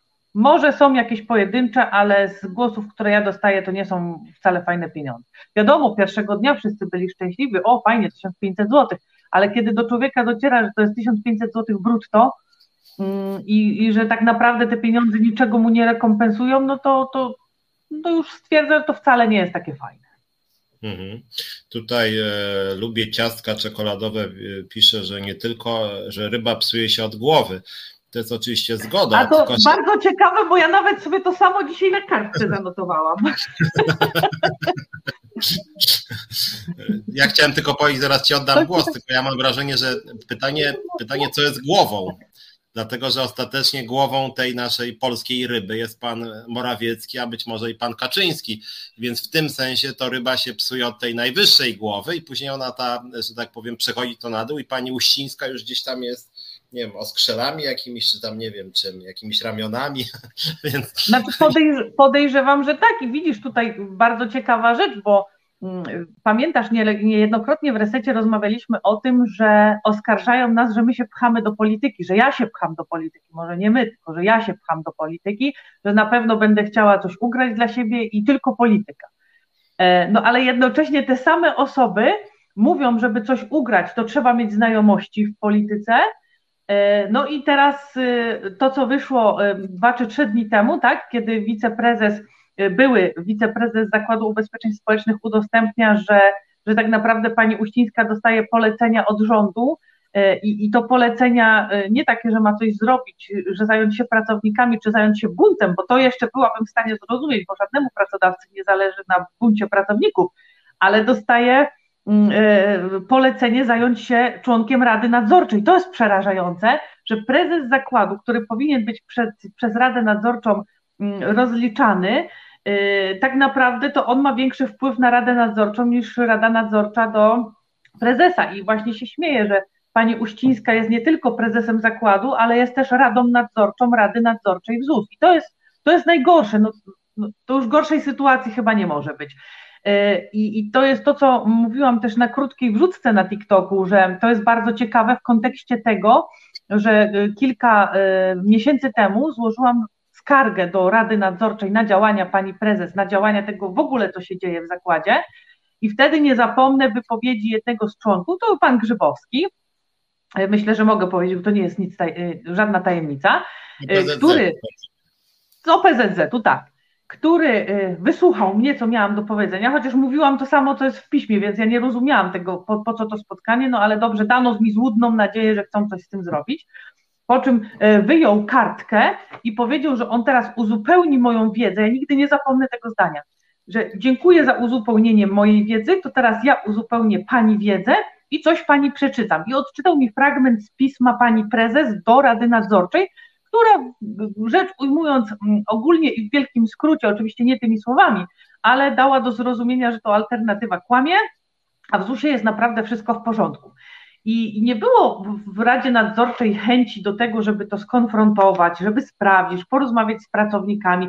Y, y, no nie wiem, choćby tak jak pani Drozd, zrobić ankietę, czy pracownicy są zadowoleni, czy nie. Nie. Wtedy pan Grzybowski powiedział, że on uzupełnił moją wiedzę, uzupełnił moją wiedzę właśnie cytatem y, y, od pani Uścińskiej i na tym sprawa się zakończyła. I nic więcej w tej sprawie się nie zadziało. No i teraz już wiem, dlaczego się nie zadziało. Po prostu Rada Nadzorcza nie miała prawa się tym zajmować. Mm, no i podejrzewam, że nie zajmą się żadnymi E, informacjami, które przesyłam, bo teraz już każdy mail e, idzie do wiadomości Rady Nadzorczej, e, także podejrzewam, że nawet się tym nie zajmie. Ja swoją drogą, bo teraz nowa jest Rada Nadzorcza ZUS-u, więc oczywiście do niej tak. te E, wyślemy wszelakie informacje dotyczące patologii w ZUS-ie, tylko uzupełnię to, co Ilona przed chwilą mówiłaś odnośnie tych maili Dworczyka tak zwanych, co skądinąd moim zdaniem jest, e, no niestety ale świadczy o jakiejś sile medialnej PiSu, dlatego że jak były rozmowy w Sowie i Przyjaciołach, to właśnie codziennie wszystkie media trąbiły, co było e, w tej, co, co w tej Sowie było mówione, niezależnie od tego, czy to tam służby rosyjskie, czy polskie, czy chińskie, nie wiadomo jakie, ale cytowali obszernie, cytowali obszernie, przez, przez co nawet tam ministrowie byli dymisjonowani, pozycjonowani. Tymczasem rzeczy, które wychodzą ze skrzynki Dworczyka, nawet media antyrządowe jakoś specjalnie nie przytaczają tego, jakby idąc za wykładnią rządu, że może to jest w sumie jakiś, nie wiem, agentura, nie agentura, chociaż wszyscy potwierdzają, że to jest autentyczne. Już kilku członków z rządu im się wyrwało, że owszem, coś takiego mówili i pisali. No i właśnie, teraz a propos tego, co Ilona mówiła, to może przeczytam dokładnie o co tam, o co tam chodzi. Mianowicie w mailu do Dworczyka z 22 maja 2020 roku pan Mateusz Morawiecki, będąc wtedy już premierem, napisał: Widzieliście taki wybitnie złośliwy artykuł w dzienniku Gazecie Prawnej. E, Michał, zadzwoń do pani Gertrudy w sprawie pana Gwiazdowskiego. I Dworczyk, słuchajcie, odpisał po trzech godzinach, po trzech godzinach, bo to sprawdziłem, po trzech godzinach Dworczyk odpisał, bo mail Morawieckiego było o 8 bodaj 30 rano, a Dworczyk mu około 11 odpisał, 11.30. Rozmawiałem z Gertrudą, obiecała zająć się sprawą. Czyli krótko mówiąc, e, pani prezes e, Uścińska jest po prostu prezesem na telefon. Znaczy, pomijam już to, że, że ona w żadnej mierze prawnie nie jest pod panem Dworczykiem, ona jest pod ministrem pracy, jeżeli już. Teraz w ogóle nie ma Ministerstwa Pracy, a odpowiednim, który tam podlega, to jest pani Maląg, bo to jest Ministerstwo e, Rodziny i Polityki Społecznej. W związku z tym Dworczyka to ona w ogóle nie powinna słuchać. E, ale z drugiej strony, e, to, że pani Uścińska wydaje jakiekolwiek polecenia Radzie Nadzorczej i obiecuje, że się zajmie panem Gwiazdowskim, bo tam o niego właśnie chodziło, czyli członkiem Rady Nadzorczej z ramienia bodaj Związku Związku Pracodawców, e, tych, tych niedużych, że tak powiem, już nawet mniejsza o to. Co to w ogóle znaczy, że ona się obiecuje za nich? To jest moim zdaniem po prostu łamanie ustawy, e, dlatego że no, Rada Nadzorcza jest od nadzorowania, a nie, że pani, a nie, że pani e, prezes nadzoruje Radę Nadzorczą. Tak jak zresztą Ilona przed chwilą powiedziała, to to jest w ogóle jakieś pomieszanie pojęć, że zarząd nadzoruje Radę Nadzorczą. To od czego jest Rada Nadzorcza w takim razie? Więc wydaje mi się, że to jest tak naprawdę gruba afera i dziwię się, że, że też media, nawet liberalne, się tym specjalnie nie zajmują. Może dlatego, że pani, że pani Uścińska jest jakimś popilkiem mediów, również części mediów liberalnych. To trzeba przyznać, ma, ma dobry PR, że tak powiem. Tak? No, ale wracając do, e, pomijając PR pani prezes, bo jak pamiętacie, opowiadałem wam rok temu, jak przez, jak przez e, moim zdaniem jakieś działania przyjaciół pani Uścińskiej wyrzucono mnie z Europejskiego Forum Nowych Idei, po czym sama pani prezes się stamtąd wyniosła, bo szefa Lewiatana zatrzymały służby i pani prezes wtedy, że tak powiem, przezornie postanowiła się wycofać i, i chyba wyjechała pospiesznie z Sopotu. No, ale wracając do naszych spraw e, ZUS-owskich, e, trwa referendum w Zakładzie Ubezpieczeń Społecznych, nasze referendum, e, no i właśnie, jak idzie to referendum? E, przypominam, e, mamy w ramach tego referendum trzy postulaty, głównie to jest podwyżka wynagrodzeń zasadniczych o 60%. Tego postulatu pani prezes w ogóle nie uznaje, bo jej się nie chce, co również jest naszym zdaniem mm, niezgodne z przepisami prawa, bo pracodawca nie może sobie nie uznawać po prostu, to jest sprzeczne, e, sprzeczne z ustawą o rozwiązywaniu sporów zbiorowych.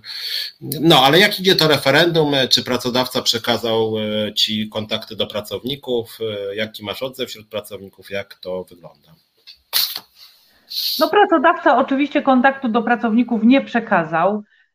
Do, idzie i dobrze, i źle. Dlaczego to powiem po, po ogłoszeniu wyników?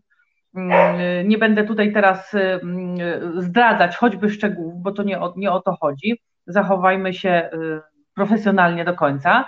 Y, zdarzają się pracownicy, którzy nie głosują z różnych powodów. Jedni nie głosują, bo mnie nie lubią. Drudzy nie głosują, bo uważają, że postulaty są zbyt wygórowane. E, inni nie głosują, bo gdzieś coś komuś powiedziałam, oni to słyszeli gdzieś z plotki którejś i oni teraz zrobią mi na złość, oni mi na złość mi nie zagłosują. Mm, więc y, generalnie czasami wydaje mi się, że ci ludzie nie wiedzą chyba komu na złość robią, bo mi na złość nikt nie robi. To, że ktoś nie zagłosuje w referendum, nie jest robieniem mi na złość, tylko jest robieniem na złość sobie samemu. E, dlaczego? E, o tym też powiem po, po, po ogłoszeniu wyników. Dlaczego? Bo y, ja Wam powiem tylko jedno. Pracodawcy puszczą hamulce. 2023 e, rok zapowiada się bardzo ciężki. Rząd nie ma pieniędzy, o tym doskonale wiemy. Mm, pojawiają się nawet pogłoski, że stoi na granicy bankructwa, ale no ja z polityką tak jakby się rozmijamy, więc nie będę tutaj e, opowiadać.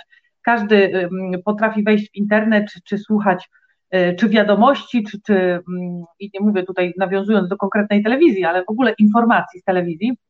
Także każdy potrafi samodzielnie analizować pewne informacje i, i wyciągać proste wnioski.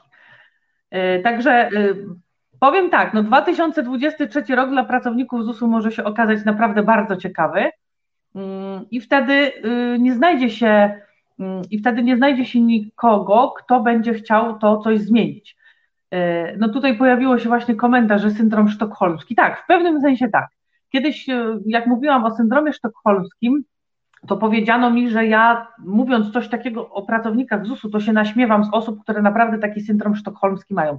No nie, bo, bo, bo to jest, y, bo to jest, wydaje mi się, że to jest dokładnie to samo.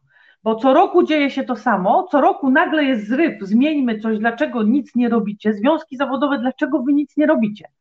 A jak związki zawodowe chcą coś zrobić, to nie, ja nie, bo, bo w sumie to Ilona nie, bo za dużo chce, bo 60% to zdecydowanie za dużo, y, bo ja jej nie lubię, bo alternatywa kłamie, bo referendum jest nielegalne. Mimo tego, że sam pracodawca nigdzie nie zaznaczył, że referendum jest nielegalne, to, które teraz mamy, e, wręcz przeciwnie, sam przyznał na jednym e, z forów wewnętrznych, że o, o, o, o legalności referendum i nawet nie o legalności referendum, tylko o, o głosach zdecyduje sąd, e, więc nie wysyła nagle tysiąca maili do pracowników, że alternatywa jest zła, alternatywa niedobra. Mm, owszem, pojawiają się takie informacje, że no skoro jest 11 związków w zakładzie, skoro tylko alternatywie nie pasuje, no to widocznie tylko alternatywa jest zła. No nie, no alternatywa nie jest zła, bo mogłabym zrobić coś innego, bo mogłabym udowodnić Wam, jak łatwo jest Wami manipulować. E, mogłabym na przykład jutro otworzyć spór zbiorowy, że praco, żądam od pracodawcy podniesienia pensji wszystkich pracowników o złotówkę brutto. Ten postulat byłby do zrealizowania tak przez pracodawcę. I zrealizowałabym go. I co? Mogłabym do Was wyjść i powiedzieć: Zobaczcie, jaka alternatywa jest super. Zrobiliśmy spór zbiorowy, dostaliście podwyżkę o złotówkę, odhaczamy zwycięstwo.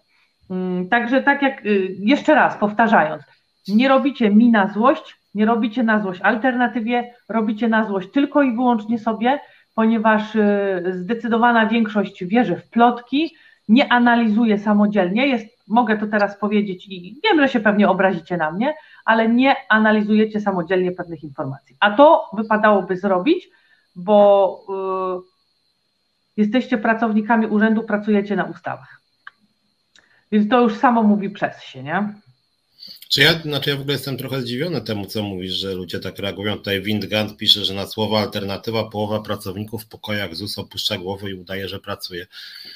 Znaczy właściwie jakby jeżeli nas oglądają ci pracownicy ZUS, którzy opuszczają głowy, no to ja jakby pytam się was o co chodzi, tak, bo no my walczymy o te 60% podwyżki, taki jest spór zbiorowy, więc może wytłumaczę raz jeszcze, że wejście w spór zbiorowy nie oznacza wcale, że my na przykład y, po pierwsze y, wzięcie udziału w referendum strajkowym, zagłosowanie za strajkiem nie oznacza, że będzie strajk. Po drugie, jeżeli my mamy w sporze zbiorowym 60%, to możemy później w negocjacjach y, wynegocjować 30. Jakbyśmy rzucili 30, to pracodawca by negocjował, że chce 15. Jakbyśmy rzucili 15, to pracodawca pewnie powiedział 7. W związku z tym wydaje mi się, że warto nawet strategicznie negocjować wysoko. To jest raz. Dwa, 60%, ja nie wiem, czy wy nie chcecie więcej zarabiać. No posłowie, wiceministrowie, samorządowcy dostali 60%, mając znacznie większą podstawę, szczególnie jak chodzi o posłów czy wiceministrów. Argument był taki, że trzeba podnieść radykalnie im pensję, bo będą podatni na korupcję. No to co, to pracownicy ZUS-u y, mogą być podatni na korupcję, nie są podatni zarabiając trzy razy mniej, nie rozumiem tego, więc y, ja bym apelował do wszystkich pracowników i pracownic ZUS-u, że nawet jeżeli nie lubicie Ilony, nie lubicie mnie, nie lubicie naszej marki, nie podoba wam się nasze logo, nie podoba wam się styl, w jakiś sposób się wypowiadamy, to chyba kluczowa to nie jest to, czy lubicie kogoś, czy nie lubicie, tylko jakie macie warunki pracy. No my piętnujemy moim zdaniem patologię, zaraz będziemy mówić na przykład o mobbingu w jednym z urzędów e, ZUS-u. Natomiast no, my staramy się wywalczyć dla Was wyższe pensje. Przed e, pół godziną była tutaj Agnieszka Szelongowska. Jak słyszeliście, doszło do bardzo ostrego konfliktu. Było e, również referendum strajkowe, utrudniano to referendum. Dwukrotnie sąd blokował możliwość rozpoczęcia strajku. Nam na razie raz to zrobił. I w końcu jednak strajk wybuchł. I po tym, jak wybuchł ten strajk, to pracodawca e, wszystkich przywrócił do pracy zwolnionych i podniósł wynagrodzenia zasadnicze o 1000 zł, co a wtedy inflacja była, ile pamiętam, że do 3-4%, czyli odpowiednik to byłby dzisiejszych mniej więcej 1500 zł wynagrodzeń, powtarzam, zasadniczych, nie tam 600 plus 300, tylko po prostu 1000 bez żadnych tam 600 plus 400, tylko po prostu 1000, 1000 plus 0. Więc y, nawet nie 1000 plus 0, ale tam jeszcze pozmieniano, podniesiono za część różnych dodatków, więc można powiedzieć powiedzmy 1000 plus 300, więc, więc podnosiono znacznie więcej niż niż, niż, niż, niż w ZUS-ie kilka miesięcy temu, więc o tym myślę, że warto pamiętać. W związku z tym, no jeżeli nas oglądają jacyś pracownicy ZUS-u, to ja myślę, że oglądają, to ja apeluję do Was, żebyście jednak w tym referendum wzięli udział. Przypomnę, pracodawca nie może wobec Was wyciągnąć żadnych konsekwencji służbowych, dyscyplinarnych, zastraszać Was, wykorzystywać w jakikolwiek sposób to głosowanie, a głos przez nikogo nie będzie, że tak powiem, odnotowany. Jesteście chronieni, nikt się nie dowie, że bierzecie udział w referendum, nikt się nie dowie o tym, że głos głosujecie na przykład za strajkiem, to w ogóle jakby nie ma o tym dyskusji. Więc ja mogę ze swojej strony raz jeszcze zaapelować, żebyście po prostu dbali o swoje interesy, więc już niezależnie od tego, czy wy jesteście tam, nie wiem, z Solidarności, z OPZZ-u, czy tam, nie wiem, czy ze Związkowej Alternatywy, to po prostu jeżeli, jeżeli pojawi się duża frekwencja w tym referendum strajkowym, no to będziecie silniejsi pracodawca będzie bardziej się was bał i na przykład y, się okaże nagle, że w jakimś tam rozliczeniu kwartalnym nie ma 700 zł, tylko na przykład 3,5 tysiąca, bo nagle pani Uścińska coś tam znajdzie. No tak to działa, no, moim zdaniem. Więc, więc, więc warto o tym pamiętać i po prostu głosować w referendum, żeby wywoływać presję, tak jak w locie się udało stewardessom wywołać presję i po no, prostu. Przede wszystkim, przede wszystkim pracownicy muszą zrozumieć jedno, że to, że będą siedzieć za biurkiem i mówić, że jest źle e, i idź Garczyńska coś załatw, no to tak, tak nie zadziała. Mm, tak jak Agnieszka Szelongowska powiedziała, ona była jedna, baba z jajami i miała kolejne osoby z jajami za sobą. Mm, więc to, to, to, na pewno nie będzie wyglądało tak, że Garczyńska weźmie flagę, pomacha flagą przed gabinetem pani prezes i pani prezes się wystraszy, o, bo Garczyńska przyszła. Nie, pani Garczyńska, pani prezes się nie będzie bała jednej osoby. Pani prezes będzie się bała kilku tysięcy osób. A to bylibyśmy w stanie zrobić, tylko no, y, wydaje mi się, że to są osoby, które to już kiedyś Piotrek powiedziałeś, że tu nam po cichu przyklaskują i jak nam wyjdzie, to będzie hura, my ci od początku kibicowaliśmy, super, nie? A jakby nam nie wyszło, to powiedzą, nie, no ja od razu wiedziałem, że to, to tak się nie da, to się nie da w tym zakładzie. Więc y, ja apeluję, jeżeli jeszcze jesteście w stanie zagłosować, to oczywiście zapraszam, link jest udostępniony cały czas. Jeżeli się boicie, bójcie się dalej, a w 2023 roku zobaczymy, y, co się będzie działo, a gwarantuję, że na pewno się będzie. Natomiast ja jeszcze tak przypominając, oczywiście, że no mówię to do pracowników ZUS-u, którzy nas oglądają, Oczywiście zachęcam, żebyście też wstępowali do nas, piszcie do Ilony, ilomałpa e, op.pl albo na związek, czyli biuromałpa.zeta.org.pl, więc zapraszam też, a szczególnie zapraszam te osoby, którym chce się jakoś działać po prostu, które chciałoby rzeczywiście coś robić na przykład. No nawet takie rzeczy jak, jak rozpowszechniać informacje o referendum strajkowym, albo organizować jakieś happeningi, albo robić jakieś grafiki, albo pisać do pracowników, żeby działali razem z nami. E, e, żeby Słuchaj, nie zapomnieć. Jeszcze zanim, jeszcze zanim y, zaczniemy nowy temat, mm, to jeszcze nawiązując do referendum y, i do osób, które twierdzą, że nie wiem, referendum jest nielegalne, że za dużo chcemy, że oni nie, bo to alternatywa to nie, bo wszyscy powiedzieli, że, że alternatywa jest B, no to oni też nie będą z alternatywą. 17 listopada Solidarność organizuje manifestację w Warszawie, więc ja już się nie mogę te, czeka, doczekać tego tłumu ludzi z ZUS-u, którzy pójdą w manifestacji legalnej, takiej, która na pewno coś załatwi, mm, ulicami Warszawy, pójdą ulicami Warszawy z flagami Solidarności. Ja już się nie mogę doczekać tej ilości osób z Zakładu Ubezpieczeń Społecznych. No tak, na marginesie swego czasu liderka Solidarności w ZUS, pani Borkowska, bodaj ona była za dymisją pani Uścińskiej, jakoś ostatnio jest cichą. Tu, tu byśmy mogli razem nawet, bo my też jesteśmy za dymisją pani Uścińskiej. Natomiast Windgant pisze, że niektórzy ludzie w ZUS nawet nie wiedzą, że jest referendum. Oczywiście, że tak. E, wind i właśnie o to nam chodzi, że prosimy wszystkich pracowników ZUS-u, jeżeli e, boicie się, nie wiem, jakoś działać otwarcie w naszych szeregach, no to przynajmniej wyślijcie jakąś tam, nie wiem, pocztą pantoflową, czy jak to się tam nazywa, na przykład do 500 e, pracowników ZUS-u. Działacze Związkowej Alternatywy na przykład wrzucali informacje o referendum na forum ZUS-owskie i te, te linki były kasowane w 5 minut.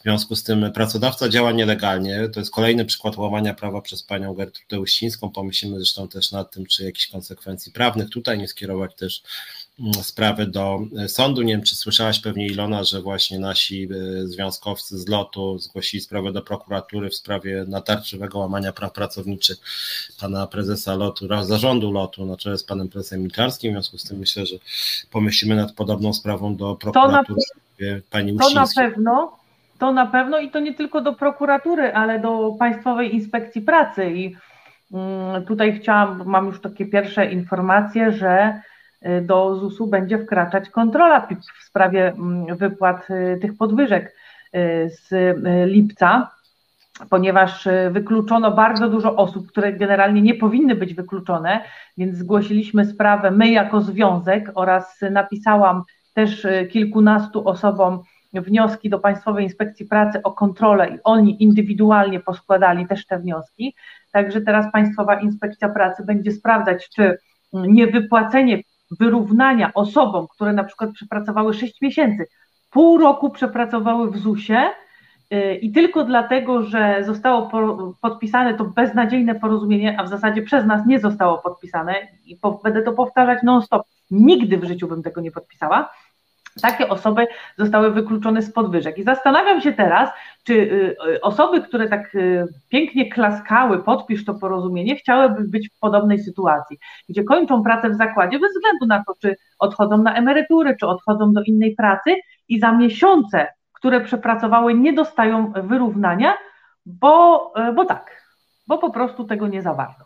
Także mm, wiem, że będzie wkraczać kontrola PIP-u, będą to sprawdzać. Mam nadzieję, że w całej Polsce. Na razie mam informacje z dwóch miejsc. E, no i zobaczymy, co będzie dalej, e, i być może będziemy to też zaskarżać do sądu. Tutaj, tak jak Agnieszka Szelongowska powiedziała, niestety mm, sądy są przeciwne, przeciwne pozwom zbiorowym. I też nie do końca jest, że sądy są przeciwne, tylko tu bardziej chodzi o to, że mm, kwotowo musiałoby być takie samo, takie same żądanie, czyli na przykład w przypadku osób, które odeszły, nie wiem, początkiem lipca, a żądają za 6 miesięcy tego wyrównania, to tu już by było bardziej to możliwe, bo taki pozew zbiorowy, więc to by nam sprawę ułatwiło, ale tak naprawdę będziemy działać dopiero, dopiero jak dostaniemy informacje y, y, pokontrolne z PIP-u. Mhm, to teraz może przejdźmy też do jakiejś takiej bieżączki, że tak powiem. Szczególnie mieliśmy porozmawiać o e, mobbingu. Ja w ogóle dzisiaj trochę mam chrypkę, więc bardziej oddaję Tobie głos, chociaż i tak mnie tak rwie czasem i Ciebie rozbudowuje, że tak powiem i nawiązuje do tego, co mówisz. Natomiast generalnie e, jakby takie ogólne pytanie, co tam w ZOSie słychać, jak chodzi o taką bieżącą sytuację, bo jak mówię i przypominam, oczywiście trwa referendum strajkowe, oczywiście podobnie jak w locie również są sprawy sądowe. Ja sam mam dwie sprawy, ponieważ mnie pozwała pani Uścińska w imieniu ZUS-u, e, pozwała mnie cywilnie e, i podała do sądu karnego, oskarżyła o naruszenie dóbr, w związku z tym uważa, że ją szkaluje. To samo Ilona została pozwana i e, cywilnie i karnie. No, natomiast są też sprawy takie, nazwijmy to stricte związkowe, E, no właśnie, co się w tym ZUS-ie ostatnio dzieje w takiej, że tak powiem, codzienności? E, wiem, że też pisałaś do mnie odnośnie e, sytuacji dotyczącej mobbingu w Warszawie, więc może spróbuj powiedzieć, jak o co w tej sprawie chodzi, jak to wygląda i jaki jest przedmiot, jaki jest problem, że tak powiem. Słuchaj, generalnie dzieje się dużo, więc nie będę tutaj opowiadać o takiej, że tak powiem, drobnicy, bo zawsze w każdym oddziale jest coś do zrobienia, jest coś do, do napisania, do, do pomocy, y, sprawy sądowe byłych pracowników, także tego jest naprawdę multum, ale na przykład mm, dzisiaj chciałam powiedzieć na przykładzie skargi, którą napisaliśmy na jedną z dyrektorów z pierwszego oddziału w Warszawie, jak działa polityka antymobbingowa w ZUS, a w zasadzie jak nie działa polityka antymobbingowa ZUS, czyli jak teoria rozjeżdża się z praktyką. No i teraz y, skarga, która została wysłana, którą podpisałam ja w imieniu pracowników y, jednego z wydziałów w pierwszym oddziale w Warszawie, y, była dość spora. Mamy na to no, super dowody, także myśleliśmy, że uda nam się to wszystko załatwić w naszym kręgu. Po ponad, aha, przepraszam, od razu po mm, wysłaniu tej skargi I po tym, jak wrzuciłam ją y, na Facebooka, na nasz y, profil z pracownicy ZUS bez cenzury, zaczęło się poszukiwanie autora, autorów skargi. Autorów skargi, no bo autorem skargi mm, byli, była zdecydowana większość, a w zasadzie wszyscy pracownicy tego wydziału w tym oddziale. Zaczęto poszukiwać osób, które doniosły Garczyńskiej. I to dosłownie tymi słowami. Kto doniósł Garczyńskiej? Było poszukiwanie, wściekłe bieganie po oddziale, grożenie pracownikom. No ale siedzieliśmy e, cicho, bo myśleliśmy, że zakład, a w zasadzie centrala, do której ta skarga poszła, e, do komisji antymobbingowej, no generalnie wysłaliśmy do wszystkich najważniejszych osób, bo nie chcieliśmy, żeby skarga została zamieciona pod dywan, jak w przypadku tej pani miało już wcześniej miejsce. Mm. Także e, po tym wszystkim zaczęło się karne przenoszenie pracowników z wydziału. Pod byle pretekstem zaczęło się karne przenoszenie pracowników. Z kadr wiemy, że to ma być na tą chwilę łącznie sześć osób, a być może będzie więcej. I dziwnym trafem są to właśnie osoby z tego wydziału. E, przenoszeniem tych osób nie tylko osłabia się wydział, mm, nie tylko doprowadza się do tego, że wydział, który i tak już jest słaby, który i tak nie wykonuje statystyk, któremu brakuje rąk do pracy, traci kolejnych pracowników i nie wstawia się na, tych, na, na, na to miejsce nowych osób.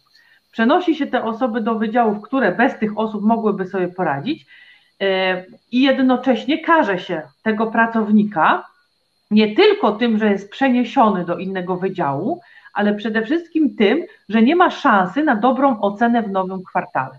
Bo wiadomo, jeśli się przeniesie kogoś do innego wydziału, to ta osoba nie zna specyfiki tej pracy, musi się wszystkiego uczyć, więc y, może liczyć na bardzo niską ocenę, albo też w ogóle będzie, że tak powiem, nieklasyfikowana, czyli w ogóle nie będzie oceniona, no bo jest nowym pracownikiem, ona jeszcze nic tam nie umie, ona się wszystkiego uczy. Także y, y, każe się te osoby. Y, y, według polityki antymobbingowej generalnie nie powinno tak być. Mm, ja wystąpiłam do pracodawcy, bo odpisałam, bo pracodawca odpisał mi informację, że on się y, zajmie sprawą, że zajmie się sprawą. Po ponad miesiącu od mojej skargi pracodawca mi pisze, że się zajmie sprawą.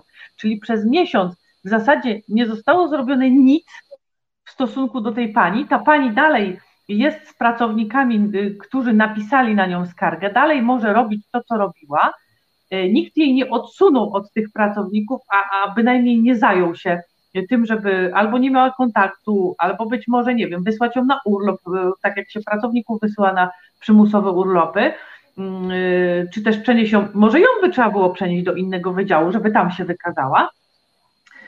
No ale nie zrobiono nic, powiedziano, że się zajmą mm, to, tą panią.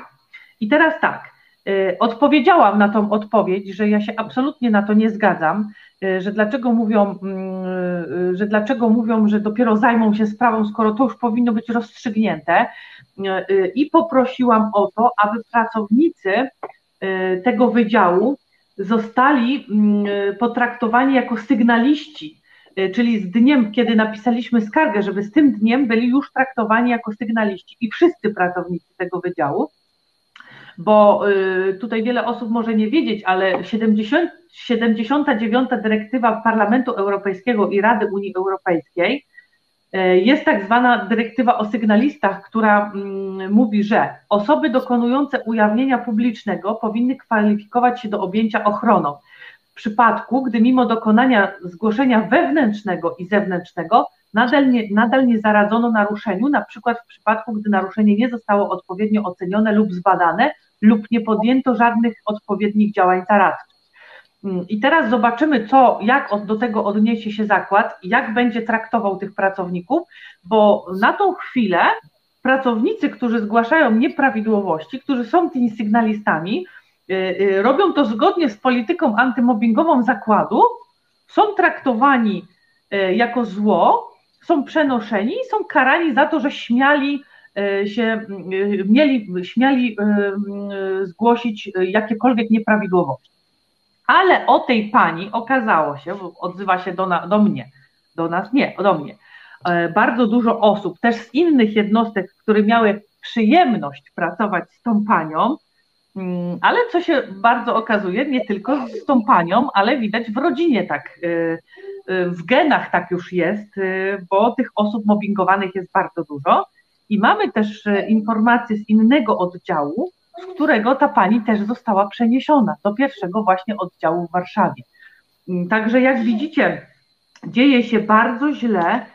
E, e, e, osoby, które chcą zgłaszać nieprawidłowości, no i teraz tak, zakład też przedstawia to, że jest przecież polityka antymobbingowa, że trzeba zgłaszać takie rzeczy, że najlepiej pod nazwiskiem. Wielokrotnie przecież pisano do mnie, kiedy zgłaszałam nieprawidłowości, że tak powiem tak ogólnie, bo nikt nie chciał tego robić pod nazwiskiem. Wielokrotnie centrala mi, że oni muszą mieć konkretny przypadek, oni muszą mieć konkretne nazwisko, że osoba zgłaszająca powinna się podpisać. I teraz zaczynam rozumieć, dlaczego osoby nie chcą się podpisywać pod skargami, bo kończy się to właśnie w ten sposób, który opowiedziałam przed chwilą. Yy, no dochodzi do, do działań niepożądanych, no będziemy na pewno y, będziemy na pewno pisać kolejną skargę na działania tej pani, bo wychodzą na jaw nowe okoliczności. Y, z kadr mamy tutaj bardzo dużo informacji, że plan, planuje się kolejne przeniesienia. Dziwnym trafem właśnie z tego wydziału, który złożył skargę, więc no, no to nie jest polityka antymobbingowa, tylko to jest polityka antysygnalista, czyli jeżeli zgłaszasz nieprawidłowość, to wiedz, że na pewno dostaniesz karę. A jakie były główne, za, za, no nie chcę tutaj, wiem, wiem, że na razie nie wymieniasz nazwisk, ale jakie są główne zarzuty wobec tej pani? Czy to chodzi o jakieś relacje przemocowe wobec pracowników, jakieś szykany, czy to jest jakieś... Słuchaj, to jest, to jest cała gama tego, my napisaliśmy, w wielkim skrócie napisaliśmy dwie i pół strony, to jest cała gama tego, no do tego dochodzi nie tylko jej osobiste takie, że, że tak powiem, jej osobisty mobbing, ale też tak zwany mobbing w białych rękawiczkach, czyli mobbingowanie osób pod sobą, żeby mobbingowały dalej.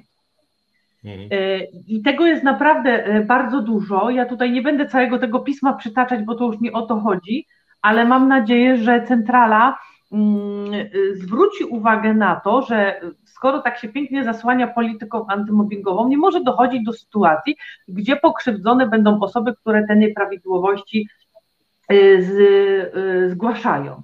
Y, no, takim głównym, najgłówniejszym takim zarzutem, który będzie najłatwiejszy do udowodnienia, bo na resztę też mamy mm, i nagrania, i notatki, ale takim głównym to jest nakładanie na pracowników pracy zbyt dużej ilości tej pracy i jeszcze poganianie ich, dlaczego nie, mm, nie została ta praca przerobiona, a co więcej, e, rozliczanie ich, dlaczego się tak, no, kolokwialnie rzecz ujmując, grzebią, dlaczego tego, dlaczego tego nie zrobiły.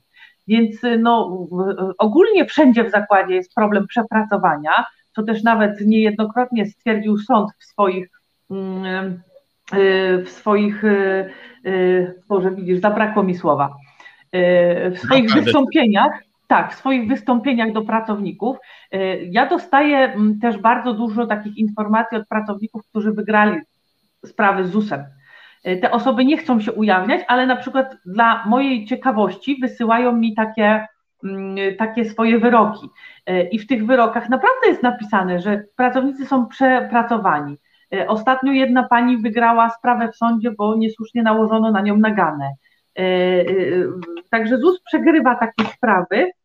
Nie wiem, jak to jest procentowo. Jest mi ciężko powiedzieć, bo no musielibyśmy mieć dostęp do wszystkich wyroków, a tego nie mam, ale 100% osób, które się do mnie zgłaszają, 100% osób zgłasza się do mnie właśnie z informacją, hej Ilona, wygrałem proces, wygrałam proces, wyrok wygląda tak i tak, weź sobie zobacz. Mm, I jak się kończy tutaj ze strony ZUS-u? No ze strony ZUS-u kończy się tak, robienie z tej osoby, która śmiała złożyć skargę chorą psychicznie, niestabilną emocjonalnie, a na wszystkie, a w zasadzie większość pytań mm, sądu, Mober odpowiada: Nie wiem, nie pamiętam. Także no, taka jest polityka antymobbingowa y, w Zakładzie Ubezpieczeń Społecznych. Już Tomasz Szyndralewicz napisał, czyżby ZUS wzorował się na wodzach kościoła z tymi przenosinami.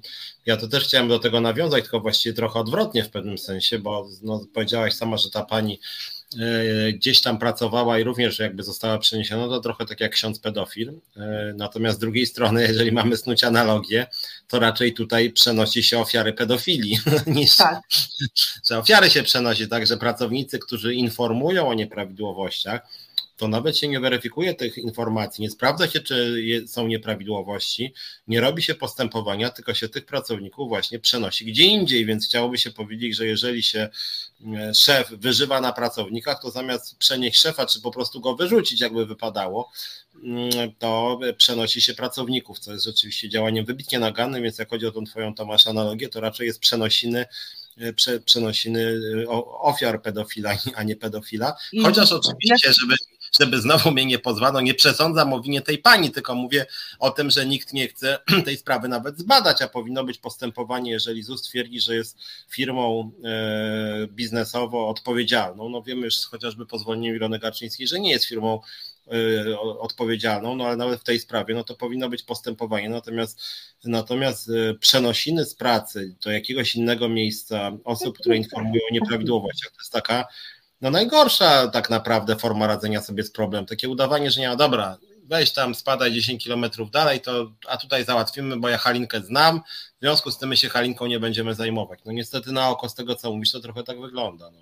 Ale tak, słuchaj, wychodzą, wychodzą y, y, inne informacje z przeszłości tej pani. Tak jak powiedziałam, widocznie ma to w genach, y, które, które też pracowały w zakładzie.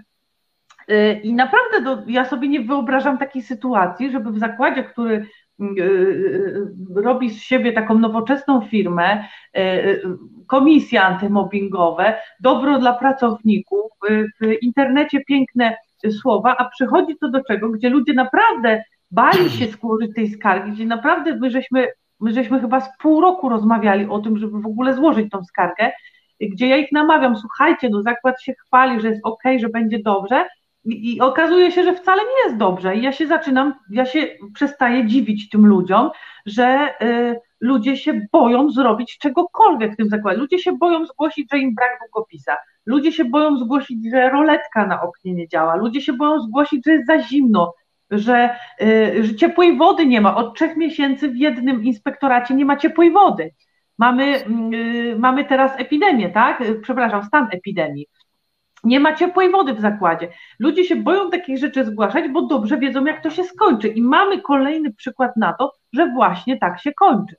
I ja się teraz przestaję częściowo dziwić tym ludziom, bo jeżeli chodzi o referendum, to ja, to ja, to ja się mm, to, to ja jestem zaskoczona, bo tutaj żadnego nazwiska nie, żadne nazwisko nie zostanie udostępnione mm, do centrali absolutnie ale w takich sytuacjach ja się im nie dziwię, że nie chcą czegokolwiek zgłaszać, bo dobrze wiedzą, jak to się skończy, bo zaraz zostaną przeniesieni, pozbawieni e, nagrody, dostaną nagane e, i co ciekawe, to jest ten sam oddział, z którego wyprowadzono milion złotych. To jest ten sam oddział, podczas którego, gdy wyprowadzano milion złotych, cały czas jest ten sam dyrektor i ten sam dyrektor tam cały czas zarządza. A dlaczego zarządza, też już wiemy. A co to było z tym milionem? E, wyprowadzono milion złotych z kont płatników składek. Mhm. Przepraszam, zakład y, y, dał mi sprawę karną, przepraszam, między innymi dlatego zostałam zwolniona, że to był między, y, że mówiłam o tym, że został wyprowadzony milion złotych. Także ja teraz już mogę przeprosić, to był milion dwieście tysięcy. Także już rozumiem, dlaczego zostałam pozwana, bo to nie był tylko milion, tylko milion dwieście tysięcy, więc i, po, i w zasadzie sąd podczas, y, y, gdy mówił przed wyrokiem, i, chyba w wyroku nawet to jest napisane, ja kilkukrotnie udostępniałam tego linka, y, bo oskarżono oczywiście szeregowego pracownika, pomimo tego, że szeregowy pracownik to robił, sprawdza po nim aprobant, po tym sprawdza jeszcze ktoś i, i jeszcze ktoś i poniósł konsekwencje oczywiście ten pracownik na samym dole, ten szeregowy, nie? No, y, no i sam, tak. sam sąd stwierdził, że to jest coś nie tak, że, że oskarża się pracownika, chociaż po nim jeszcze kilka osób to sprawdzało.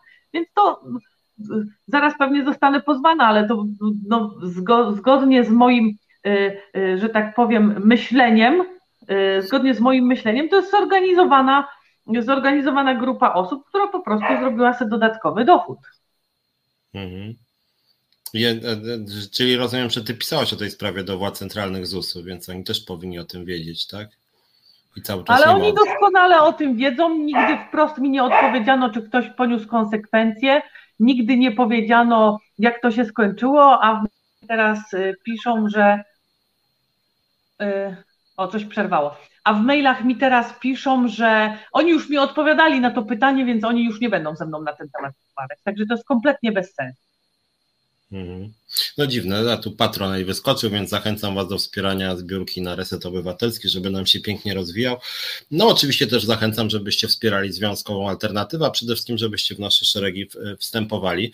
E, czyli mamy generalnie rzecz biorąc ten problem, o którym nie rozmawialiśmy, e, czyli e, braku procedur antymobbingowych. Wspomniałaś o czasie pracy, teraz też, no wiadomo, mamy z jednej strony inflację, z drugiej strony mamy wojnę, cały czas mamy bardzo dużo pracowników E, ukraińskich, coraz więcej uchodźców z Ukrainy. Właściwie to już chyba nikt się specjalnie zajmuje ich rejestracją, poza być może ZUS-em i skarbówką e, którymi, które to instytucje właśnie mają się nimi zajmować. E, co się właściwie teraz w ZUS-ie dzieje, jak chodzi właśnie o takie codzienne obowiązki? Czy z tego, co słyszysz, właśnie zwiększa się zasięg obowiązków, czy, czy się wiele nie zmienia? Jak pani prezes Uścińska komunikuje pracownikom od tego, to, co się dzieje właśnie, czy, czy, czy, czy coś w związku właśnie z Ukraińcami, czy coś w związku z inflacją się dzieje? No bo dzisiaj na przykład przeczytałem taki komunikat, że ZUS jest w fenomenalnej kondycji finansowej i w ogóle pani Uścińska nie chce dodatkowych pieniędzy. No myśmy nawet tutaj przed programem o tym rozmawiali, bo my staramy się nie być populistyczni, że rzeczywiście jest tak, że ZUS ma bardzo dużo pieniędzy, ale to jakby to nie jest tak, że on ma pieniądze na pensję dla pracowników, to jest trochę inna kwota, to z budżetu idzie, tylko po prostu bardzo dużo ludzie płacą składek. No niemniej jednak jest tak, że ZUS sam twierdzi ustami pani prezes, że jest w bardzo dobrej kondycji, w bardzo dobrej kondycji. No i właśnie, co na to, że tak powiem, pracownicy, bo jak ma w dobrej kondycji, czyli więcej pieniędzy y, przychodzi ze składek, no tak to rozumiem, no tego jest zależny. Jak wygląda teraz sytuacja pracowników? Czy jakieś nowe obowiązki Wam dochodzą? Mówiłaś o tych nadgodzinach, które w tym zakładzie, w tym ośrodku w Warszawie wręcz te nadgodziny mają taki charakter mobbingujący. Czy to jest jakaś powszechna praktyka? Nie pamiętam, bo to chyba mówiłaś w jednym z programów, że bodaj w roku 2020 chyba było milion sześćset tysięcy nadgodzin, o ile dobrze pamiętam. Jak to dzisiaj wygląda, jak chodzi o nadgodziny? Słuchaj, ponad miesiąc temu wysłałam do pracodawcy prośbę, żeby przedstawił mi informację o aktualnych nadgodzinach. No, jak wiemy, ZUS ma czas, y, jeśli chodzi o odpowiedź do alternatywy, więc nie mam aktualnych danych, ale podejrzewam, że one się nie będą niczym różnić. Zapytałeś również, jak pani prezes komunikuje różne rzeczy Y, pracownikom. No pani ZUS nie komunikuje pracownikom nic. Y, pani ZUS, pani prezes ZUS nie komunikuje pracownikom nic. Y, czasami odnoszę wrażenie, że pani Gertruda to by chciała, żeby pracownicy nie istnieli, żeby oni w ogóle nic od niej nie chcieli. Co dla mnie jest szokiem, bo ja już to kiedyś mówiłam, ale ja miałam styczność naprawdę z różnymi prezesami w różnych firmach i, i i, to, to, były nie, naprawdę niesamowite osoby, bo one potrafiły rozmawiać normalnie z, z, osobą pracującą jako sprzątaczka, absolutnie nie ujmując nic sprzątaczką, ale na tych najniższych stanowiskach. Y, normalnie rozmawiały, chodziły, witały się, tak, to naprawdę były fajne, y, fajne rzeczy. Tutaj jedyne, co to pani prezes potrafi przekazywać informację, jaką kolejną nagrodę odebrała, albo też jakie cudowne spotkanie mieli i w tym roku pewnie będzie to samo z okazji Dnia Pracownika ZUS, że spotkali się w centrali, oczywiście nie szeregowi pracownicy, tylko cała śmietanka towarzyska, mm, zjedli sobie torcika i, i się rozeszli. Także tak wygląda komunikacja. Kiedy jest, kiedy jest, kiedy jest ten Dzień Pracownika ZUS? 24 października. Hmm. 24 października. Także pani prezes ZUS nie komunikuje. No jedyne komunikaty, jakie przychodzą, już podpisane nawet, naprawdę już podpisują się pod komunikatami z Departamentu Zarządzania Zasobami Ludzkimi. E, na przykład ostatnio bardzo mm, fajny, e, fajny mail przyszedł. Jednym zdaniem napisane, że było spotkanie mm, organizacji tam jednej wraz z sześcioma mniejszymi e, w sprawie sporu zbiorowego i pod tym cały elaborat siedem powodów, aby kochać ZUS. Także pracownikom przekazuje się siedem powodów, żeby kochać ZUS. E, gdzie sami przyznają, że to są naprawdę niskie zarobki, że to fajnie, bo wynagrodzenie przychodzi w terminie, zawsze jest na czas i tak dalej, no ale sami przyznają, że niskie zarobki. E, wysłałam kiedyś zapytanie do centrali, jakie czynności, jakie kroki podjęła pani prezes, żeby pozyskać więcej pieniędzy dla pracowników. No też mi do tej pory nie odpowiedziano, więc nie wiem, może nie chcą mi wysyłać pustego maila, więc po prostu mi nie odpowiadają. Także no jest, y, y, jest dość wesoło, pracy nam przybywa, E, przybędzie też od 2023 roku, gdzie, mm, bo teraz nie pamiętam teraz jaka to ustawa, jak ona się tam nazywa mm, szczegółowo, ale będzie dotyczyć tego, że osoby bezrobotne nie będą musiały się już rejestrować w Urzędzie Pracy, żeby mieć ubezpieczenie zdrowotne. I to wszystko przejmuje ZUS. Także ZUS pozyskuje kolejne zadania, ale nie pozyskuje środków na to, żeby te zadania obsłużyć. Oczywiście na pewno możemy się spodziewać tego, że tymi rzeczami będzie zajmować się pewnie 50 osób, nikt więcej. E, a jak to się skończy, to wiemy, sale obsługi klienta będą oblegane. Mm, nawet jest, y, y, ostatnio też była taka dość śmieszna sytuacja, gdzie do y, Ukraińców były wysyłane SMS-y po polsku, że mają coś zrobić, jakiś dokument napisać. Ci w ogóle nie wiedzieli o co chodzi, więc brali tego SMS-a i szli po prostu na salę obsługi klienta i sala obsługi klienta musiała im to tłumaczyć. Więc nazatrudniali, y, nazatrudniali y, tłumaczy, y, nazatrudniali mm, osoby, które się komunikują z Ukraińcami, a do Ukraińców wysyłają SMS-y po polsku. Także no, no cóż mogę powiedzieć, no brak chyba jakiegoś pomyślunku. A jak jest wygląda sytuacja? Bo ja pamiętam, jak chyba rok temu pani Uścińska mówiła, gdzieś tam jej się wyrwało, że przyznała uczciwie, że rzeczywiście są niedobory zatrudnienia. Wtedy chyba je szacowała na 2000 osób, nie jestem pewien, ale chyba tak. E, wtedy mówiono o 3000, 3000 osób. Teraz na spotkaniu, które mieliśmy 12 e, października, e, tutaj jedna z państw centrali mówiła, że teraz niedobór jest około chyba, czy lekko ponad 1000.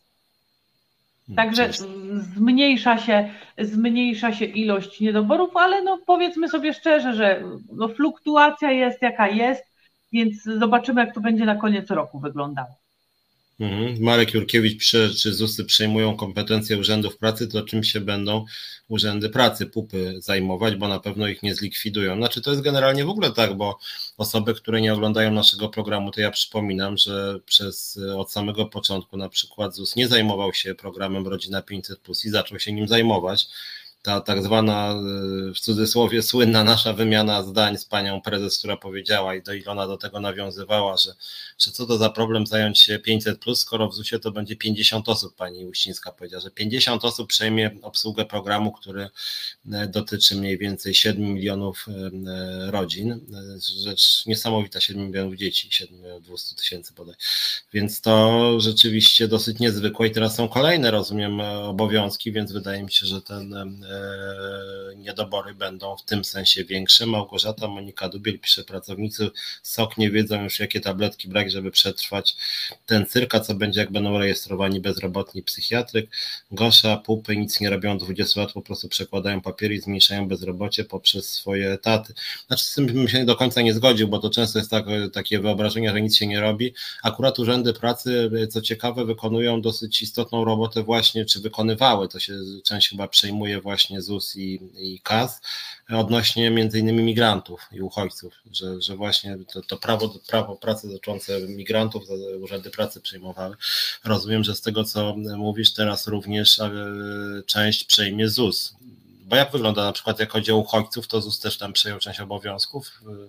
Pracownicy też obsługują Ukraińców ale to wszyscy pracownicy i merytoryczni muszą odbierać telefony, a przede wszystkim e, pracownicy na SOK, którzy, którzy muszą e, e, przyjmować takiego klienta i tłumaczyć mu, czy zakładać profil na półę, a oni nie są zainteresowani tym. Teraz zaczyna się ściganie Ukraińców, którzy przyjechali do Polski, złożyli wnioski o świadczenia i za chwilę wyjechali. To już ostatnio chyba nawet czytano, to było 200 tysięcy osób, także tych ludzi będzie coraz więcej. ZUS nie będzie robił nic innego niż ściganie e, Ukraińców, zajmowanie się zdrowotnym e, z państwowych urzędów pracy. No i nie chcę tutaj być czarno, nie chcę tutaj czarnowictwa, ale to się też zaraz się okaże, że wszystkie mm, zadania z, znaczy wszystkie zadania, no nie da się wszystkich przejąć, ale generalnie z każdej instytucji zostanie przejęte jakieś zadanie i będzie to robił Zakład Ubezpieczeń Społecznych przy ilości pracowników E, e, jaka jest, bo to zawsze się mm, kręci między 43-45 tysięcy. Także zawsze, zawsze jest to samo. Musimy, musimy już kończyć, ostatnia minuta, więc może jeszcze tak gwoli podsumowania, co byś życzyła na najbliższe dni tygodnie e, pracownikom ZUS-u. Ja ze swojej strony zachęcam niezmiennie, macie jeszcze 7 godzin do udziału w referendum, więc zachęcam Was, żebyście szybko zagłosowali i poinformowali kolegów i koleżanki. No, natomiast ty podsumuj i musimy zaraz kończyć. No to zacznę od pierwszego oddziału, który, bo to, ta sprawa mnie naprawdę najbardziej boli, więc y, życzę im wytrwałości i życzę im tego, żeby w końcu ktoś na nich, ktoś, no nie ktoś, ale żeby centrala w końcu podjęła jakiś krok przeciwko y, tej mobberce, y, a wszystkim pracownikom życzę więcej odwagi, bo jeżeli wszyscy zaczniemy się po kolei przeciwstawiać, nawet mając jakieś takie niedogodności, no to, to zakład też zauważy, że pracownicy są coraz bardziej odważni e, i naprawdę są gotowi do tego, e, żeby coś w swoim życiu zmienić. No i zachęcam oczywiście niezmiennie do oddania głosu w referendum. Głosy moje możemy oddawać do 23.59, później ankieta zostanie zablokowana. No dobra, to ja też przyłączam się do życzeń. Bardzo Ci, Ilona, dziękuję. E, za tydzień czy dwa pewnie znowu pogadamy, powiemy co z referendum, podamy na naszej stronie Związkowej Alternatywy, na wszelkich forach. E, wyjdzie referendum, to wtedy będziemy myśleć nad strajkiem. Nie wyjdzie, to pomyślimy wtedy, co dalej robić. Być może referendum e, powtórzymy. Przypominam, referendum jest nielegalnie utrudniane przez pracodawcę. Dobra, musimy, musimy kończyć. Bardzo Ci dziękuję. Dziękuję bardzo. Pozdrawiam wszystkich związkowców, pracowników i po prostu naszych słuchaczy i słuchaczki. Dziękuję, na razie. Reset Obywatelski.